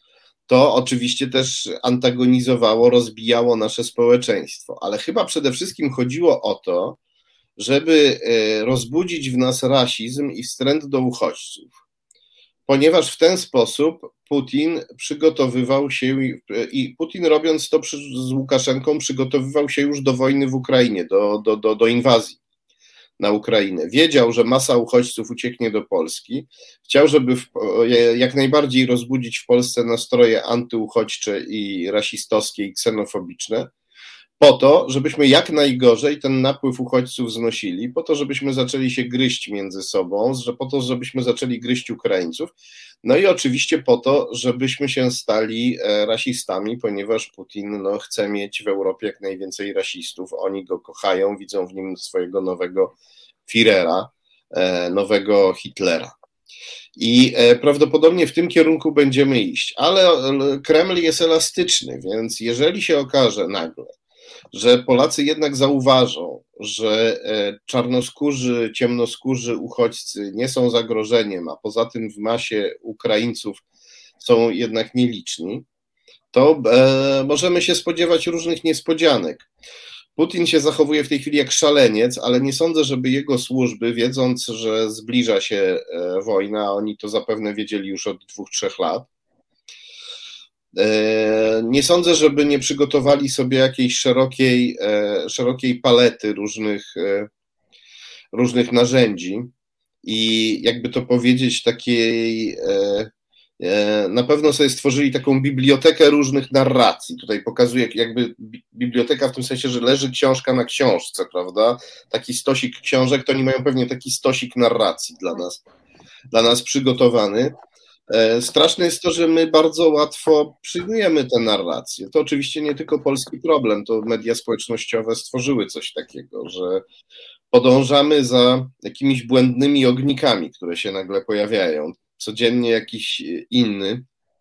Idealne byłoby, gdybyśmy my e, wykorzystali tę smutną i straszną okoliczność, jaka jest ta wojna, do uodpornienia się na te błędne ogniki, na wyskakujące znikąd informacje pozbawione źródeł. I e, dobrze jest, żebyśmy pamiętali, kto tutaj tak naprawdę jest wrogiem, a kto przyjacielem. E, wrogiem są ci, którzy atakują Zachód, Ci, co do niedawna atakowali Zachód, a teraz nagle w obliczu tej wojennej grozy e, e, próbują się z Zachodem pogodzić, albo udają, że próbują się z Zachodem pogodzić, oczywiście zasługują na najwyższą nieufność. Ja nie mam żadnej taryfy ulgowej dla PiS, ale pamiętam, że wrogiem numer jeden jest Putin. To on jest głównym wrogiem Zachodu i PiS prawdopodobnie nie byłby PiSem nie byłby tym antyzachodnim pisem, gdyby nie, e, gdyby nie wpływ Putina. To z Putinem musimy przede wszystkim e, walczyć w obecnej, w obecnej sytuacji, e, aczkolwiek żadnego zaufania PiSowi bym nie okazywał. No, to PiS nie zrobił nic, żebyśmy mu zaufali. jakkolwiek. Tomku, bardzo Ci dziękuję za to nasze dzisiejsze spotkanie. Tomek jest, proszę Państwa, najpracowitszym w tej chwili. Sami widzicie, jeśli chodzi o akcję e, bojkotu, e, sankcji obywatelskich. Teksty Tomka sypią się jeden po drugim. Dochodzi do e, czasem nawet mnie zaskakujących e, ustaleń, tak jak dzisiejsze E, z Uberem. Jak to ktoś na czacie napisał, miałeś odchorować i odpocząć i jakoś nie bardzo to robisz. Bardzo wojna, Ci dziękuję wojna. za dzisiejsze spotkanie. No ja to jest wojna. Też, ja też dziękuję i bardzo gorąco polecam na stronie Resetu Obywatelskiego, również na moim Facebooku, na moim Twitterze znajdziecie artykuł o firmie Uber, której E, której udziałowcem e, jest bardzo ciekawy na swój sposób człowiek, wielki kremlowski oligarcha Alisher Usmanow. Tak, bardzo polecam Wam mojego Twittera, mojego Facebooka i Reset Obywatelski, kochani. E, teraz pewnie będzie jakaś krótka przerwa muzyczna.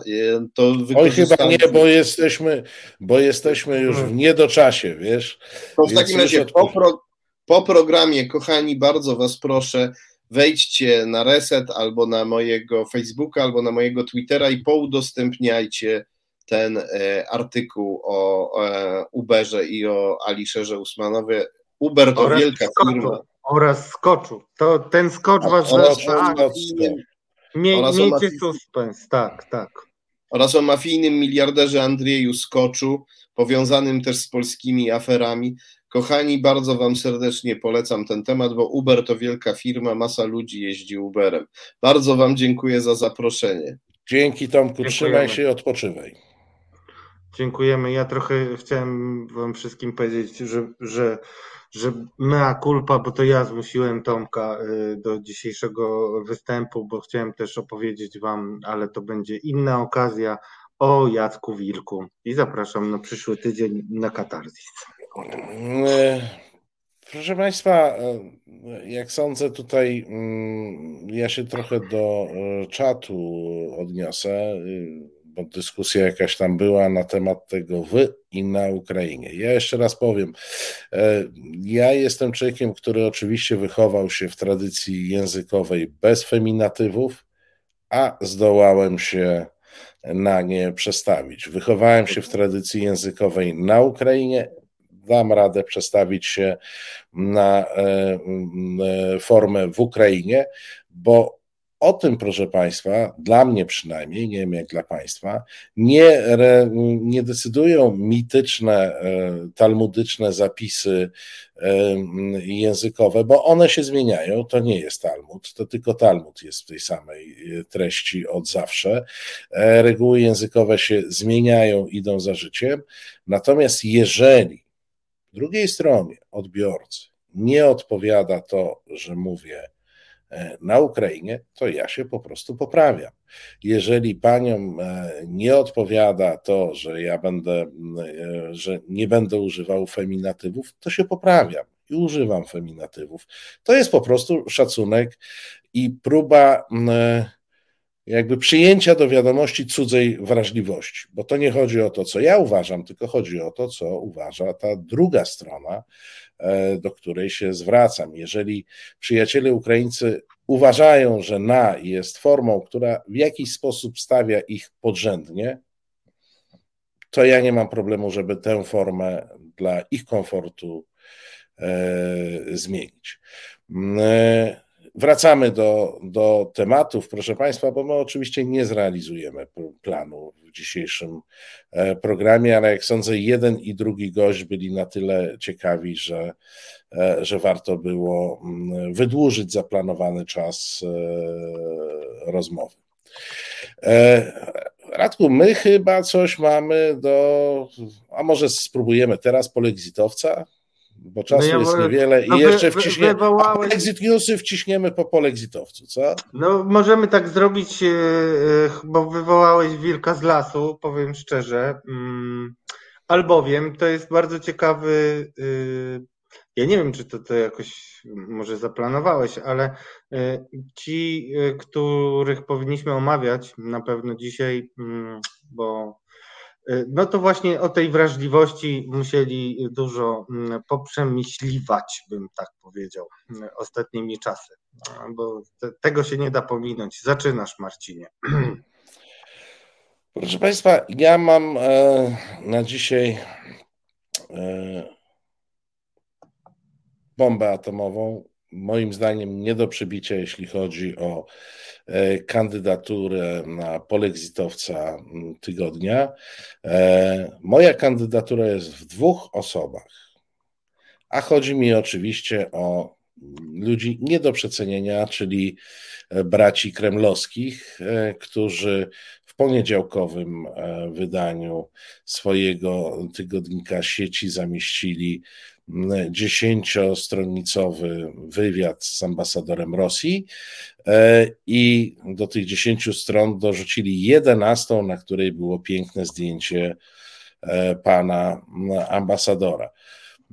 I od razu Państwu powiem, ja nie widziałbym nic szczególnie złego w wywiadzie z ambasadorem Rosji e, w tym tygodniu pod jednym warunkiem gdyby to był wywiad, gdyby była to rozmowa, a nie danie okazji do tego, żeby pan e, ambasador sobie opowiadał swoje e, kocopały, opowiadał o burdelu na Ukrainie, opowiadał o różnych takich, mm, o różnych takich swoich przemyśleniach. E, I powiem Państwu tak, ja miałem kilka refleksji tak na, na szybko, kiedy to Zobaczyłem, bo najpierw jednak mnie zatkało. A wiecie dlaczego mnie zatkało?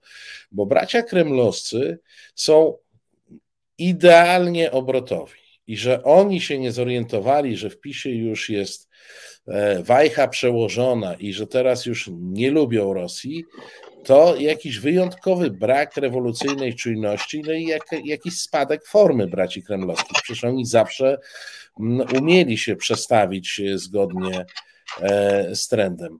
E, druga Dobra, rzecz. Marcin, ale to, to nie jest powód do żartów. Ja jestem. Ja, ale nie, ja, ja mówię zupełnie ja, poważnie. Ale, ale to ja też mówię zupełnie Dru, poważnie. Daj druga rzecz. rzecz. Bo to jest bardzo ważne. Bo też, żeby było uczciwie i oni się tak bronią, i zaraz mam nadzieję, y, screena nam pokaże z tego, jak się tłumaczą, żebyśmy mogli o tym podyskutować. Bo no, te tłumaczenia były jeszcze głupsze niż sam tekst. Tak, no. oczywiście, że tak. Oczywiście, że tak, ale to tak nawiązując do tego, co ty powiedziałeś.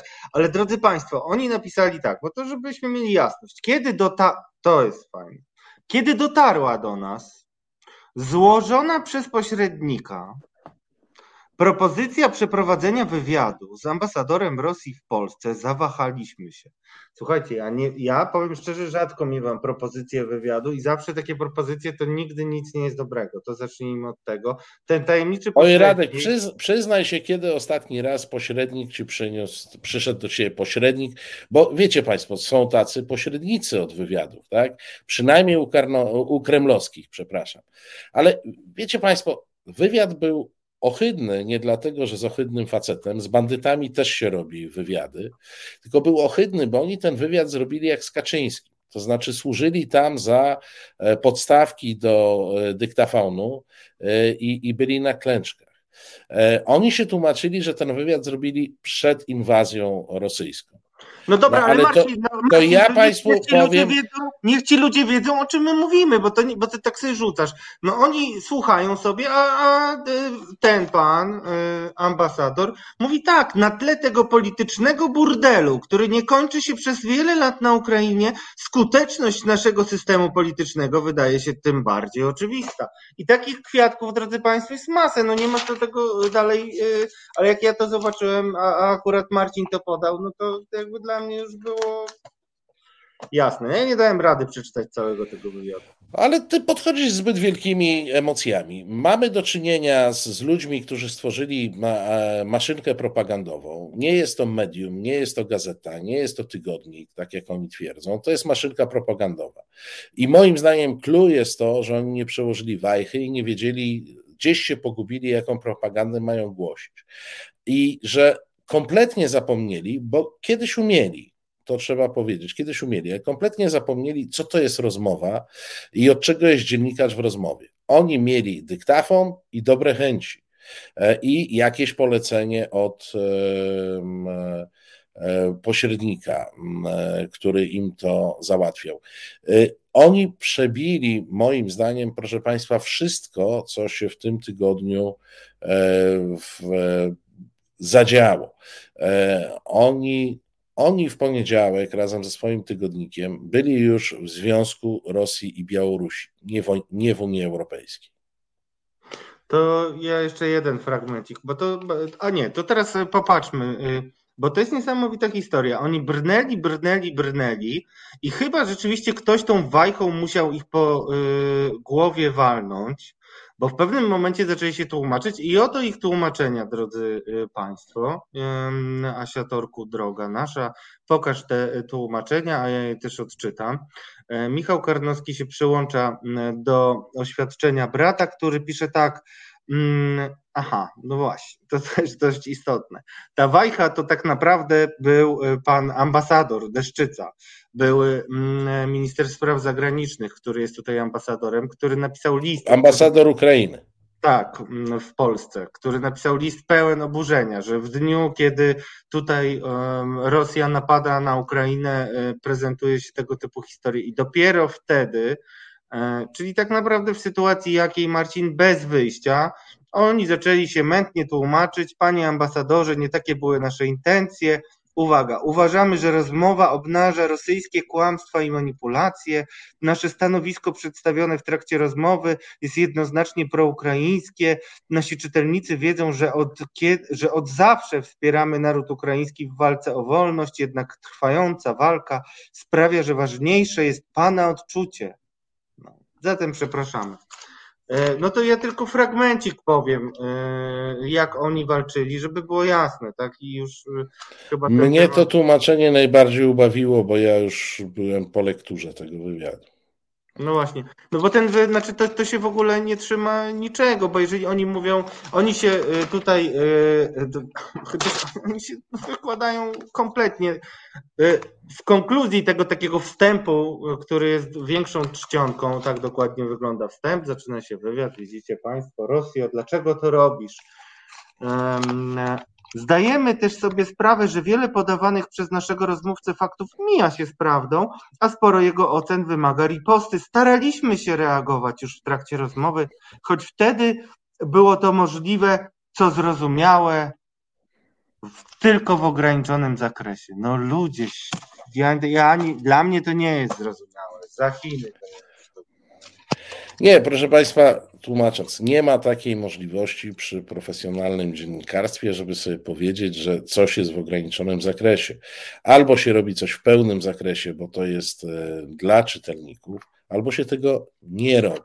A nawet jak oni zrobili coś tak niebywale głupiego, e, to odpowiedzialny redaktor e, po prostu by tego nie puścił a nawet by zamieścił informację, mieliśmy rozmowę z panem ambasadorem, e, po drodze Rosja napadła Ukrainę, nie ma tematu. Nie ma tematu. E, bracia kremlowscy są e, polexitowcami, którzy dla mnie e, w tym tygodniu prześcignęli do rzeczy, który jest moim, jak wiecie, e, numerem jeden, jeśli chodzi o polexitowców. Tu gdzieś e, sieci i bracia kremlowscy przyspieszyli. Tak, ale rzeczywiście tutaj ta charakterystyka, ja nie kryję, że pracowałem z Michałem Karnowskim na przykład i wiem doskonale, no, że to jest po prostu taki czysty, w najgorszym wydaniu koniunkturalizm. No, tutaj jakby wielkie słowa pokrywają bardzo małe interesiki, intencje i tak dalej. I to tylko tyle od siebie chciałem powiedzieć. No ale zgłoś jakąś kontrkandydaturę. Ale to robię tylko pro forma, bo tutaj siła dwóch jest y, y, niewątpliwa. Ale ponieważ, drodzy Państwo, już napisałem Polnexit Newsy i Marcin musi je opublikować, jak wiecie, pewnie się pojawią, to mogę Wam powiedzieć o bardzo ciekawej wolcie, wolcie Rafała Ziemkiewicza, chociaż na to trochę czasu bym potrzebował. E, niezwykle mnie ubawił Wojciech Cejrowski, e, drodzy Państwo, który, e, to za sekundę Wam wiernie zacytuję, który, drodzy Państwo, pozwolił sobie mm, na takie, taką ja nie wiem, no, no ty wiesz, co, o czym będziemy mówić. Co to jest w ogóle? Marcin, proszę, pomóż. No ale czekaj, no, sprawozdawaj no, okay. państwa spytamy. No, okay. Jak mm, myślicie, co to jest? No więc Wojciech Cejrowski e, stwierdził e, tak, że Putin wie, że umawialiśmy się z Ukrainą nie, e, umawialiśmy się na Ukrainę niepodległą pod warunkiem, że będzie neutralna. E, a od kilku lat, jak nie od kilkunastu, między innymi Polska sama sobie strzela w kolano, flirtując z politykami ukraińskimi taką narracją, że do Unii Europejskiej to my was rekomendujemy, do NATO jakbyście wstąpili. Czy oni nie pamiętają układu? E, no i dalej było tak, e, już o samym Putinie, już mamy wojnę, płoną szpitale, przedszkola, ludzie są rozrywani bombami próżniowymi, a e, mm, Cejrowski mówi, on moim zdaniem o Putinie niespecjalnie miał wyjście, bo jakby się poddał, to równowaga strategiczna między dwiema siłami, które mają broń nuklearną, byłaby znacząco zachwiana na niekorzyść Rosji. No i jak Państwo myślicie, co to jest? No, e, to jest e, jeden do jeden przekaz e, Kremla. Przecież Kreml od kilku tygodni, w zasadzie od jesieni, przypomina jakieś mityczne układy, które miały być zawierane.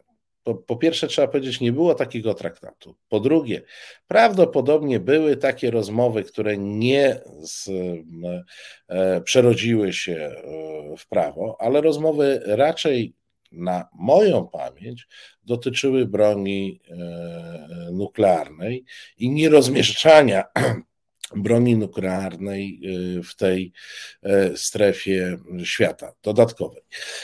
Ale to powiedzmy można, można dyskutować. Natomiast powiedzcie Państwo, z jakiej przyczyny ten człowiek, mieszkający szczęśliwie w innej części świata, posiadający inne obywatelstwo. E, mający, słuchajcie, naprawdę ciekawe zajęcie, bo to, co robi, jest ciekawe. E, co mu każe wjeżdżać e, do Polski z putinowską propagandą, ubraną w, w, w, takie, bo on przez jakiś czas przecież był idolem tutejszej prawicy, ubraną w takie piórka mm, e, polskiego, polskiego prawaka. Co mu każe? Zastanawiałeś się, Radku? Przecież on mógłby sobie podróżować. E, ja jego programów nie oglądałem, bo to jest rasista i po prostu jak on się wypowiadał o ludziach, z którymi się spotykał, o Indianach, o innych, e, to, to z niego ten bucowaty, taki chamski e, rasista wychodził, więc ja nie oglądałem, ale to jest fascynujące zajęcie podróżować po świecie, poznawać różne miejsca, różne ludy, co mu każe wchrzaniać się w nasze sprawy. No przepraszam, inaczej nie nazwę. Niech każdy sobie sam na to odpowie, bo ja mam, y, jesteśmy przed 21. Jeszcze no, nie wolno. Tak, jeszcze nie wolno. Tym bardziej, że wiecie Państwo, no, e, też już napisałem e, taką krótką notkę Marcinowi e, wcześniej. No, dla mnie to jest o tyle jeszcze oburzające, że dla wszystkich, którzy tego, jeżeli już mówimy o tej broni nuklearnej, no to naprawdę na Boga w 94 roku ustanowiono, ustalono, że, że Ukraina oddaje broń nuklearną. Memorandum budapeszteńskie, o którym tak. Ukraińcy często przypominają. Tak, zrzeka się broni nuklearnej na rzecz Rosji zresztą, bo to Rosja dostała tę broń nuklearną, e, w zamian za gwarancję nienaruszalności terytorium i jej suwerenności. Tak? No i tutaj oczywiście grzechem też e, obarczone są poza samą Rosją, która tych grzechów ma tyle, że już e, chyba do nieba sięga, jak pod dywan nie chowa.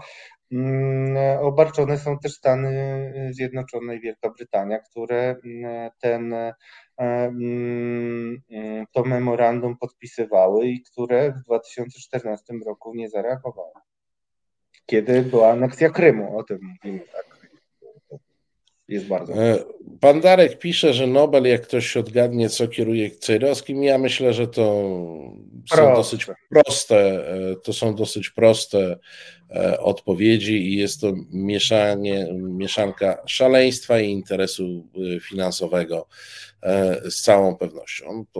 On na tym dobrze zarabia i to niekoniecznie z jednego źródła.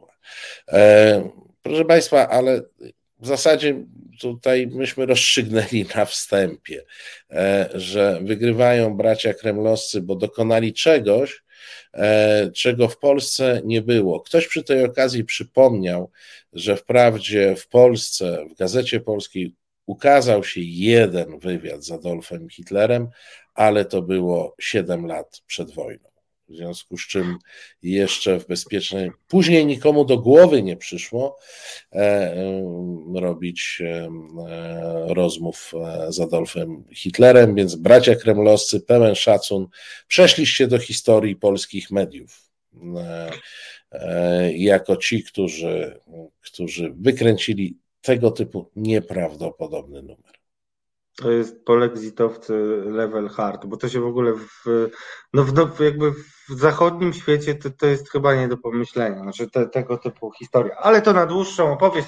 No drodzy Państwo, pozbawiliście mnie, powinienem zdjąć słuchawki, bo ja ten nasłuch tak naprawdę robię ze względu na to, że muszę tak się koncentrować, zagłębić na chwilę na te yy, no no, w te polexitowe różne prawicowe odmęty, czasami szaleństwa. No dzisiaj, dzisiaj, no, z, dzisiaj polexit newsy będziecie Państwo mieli przede wszystkim w formie pisemnej na e, portalu resetobywatelski.pl, bowiem już za dwie, niecałe trzy minuty e, to jest wojna i Dominika e, Kasprowicz.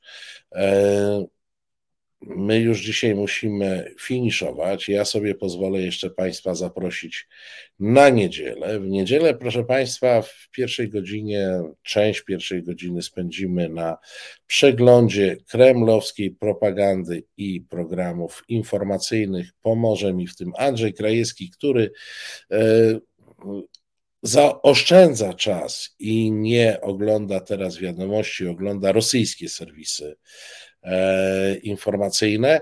W drugiej godzinie na pewno naszym e, gościem będzie profesor Adam e, Bodnar, więc już dzisiaj Państwa zapraszam na niedzielne rozmowy. A teraz dziękujemy Państwu pięknie za dzisiejsze spotkanie. Człowiek w bardzo profesjonalnych słuchawkach to redaktor Radosław Gruca. Ja się nazywam Marcin Celiński. To był program Bez Wyjścia. Kłaniamy się Państwu nisko.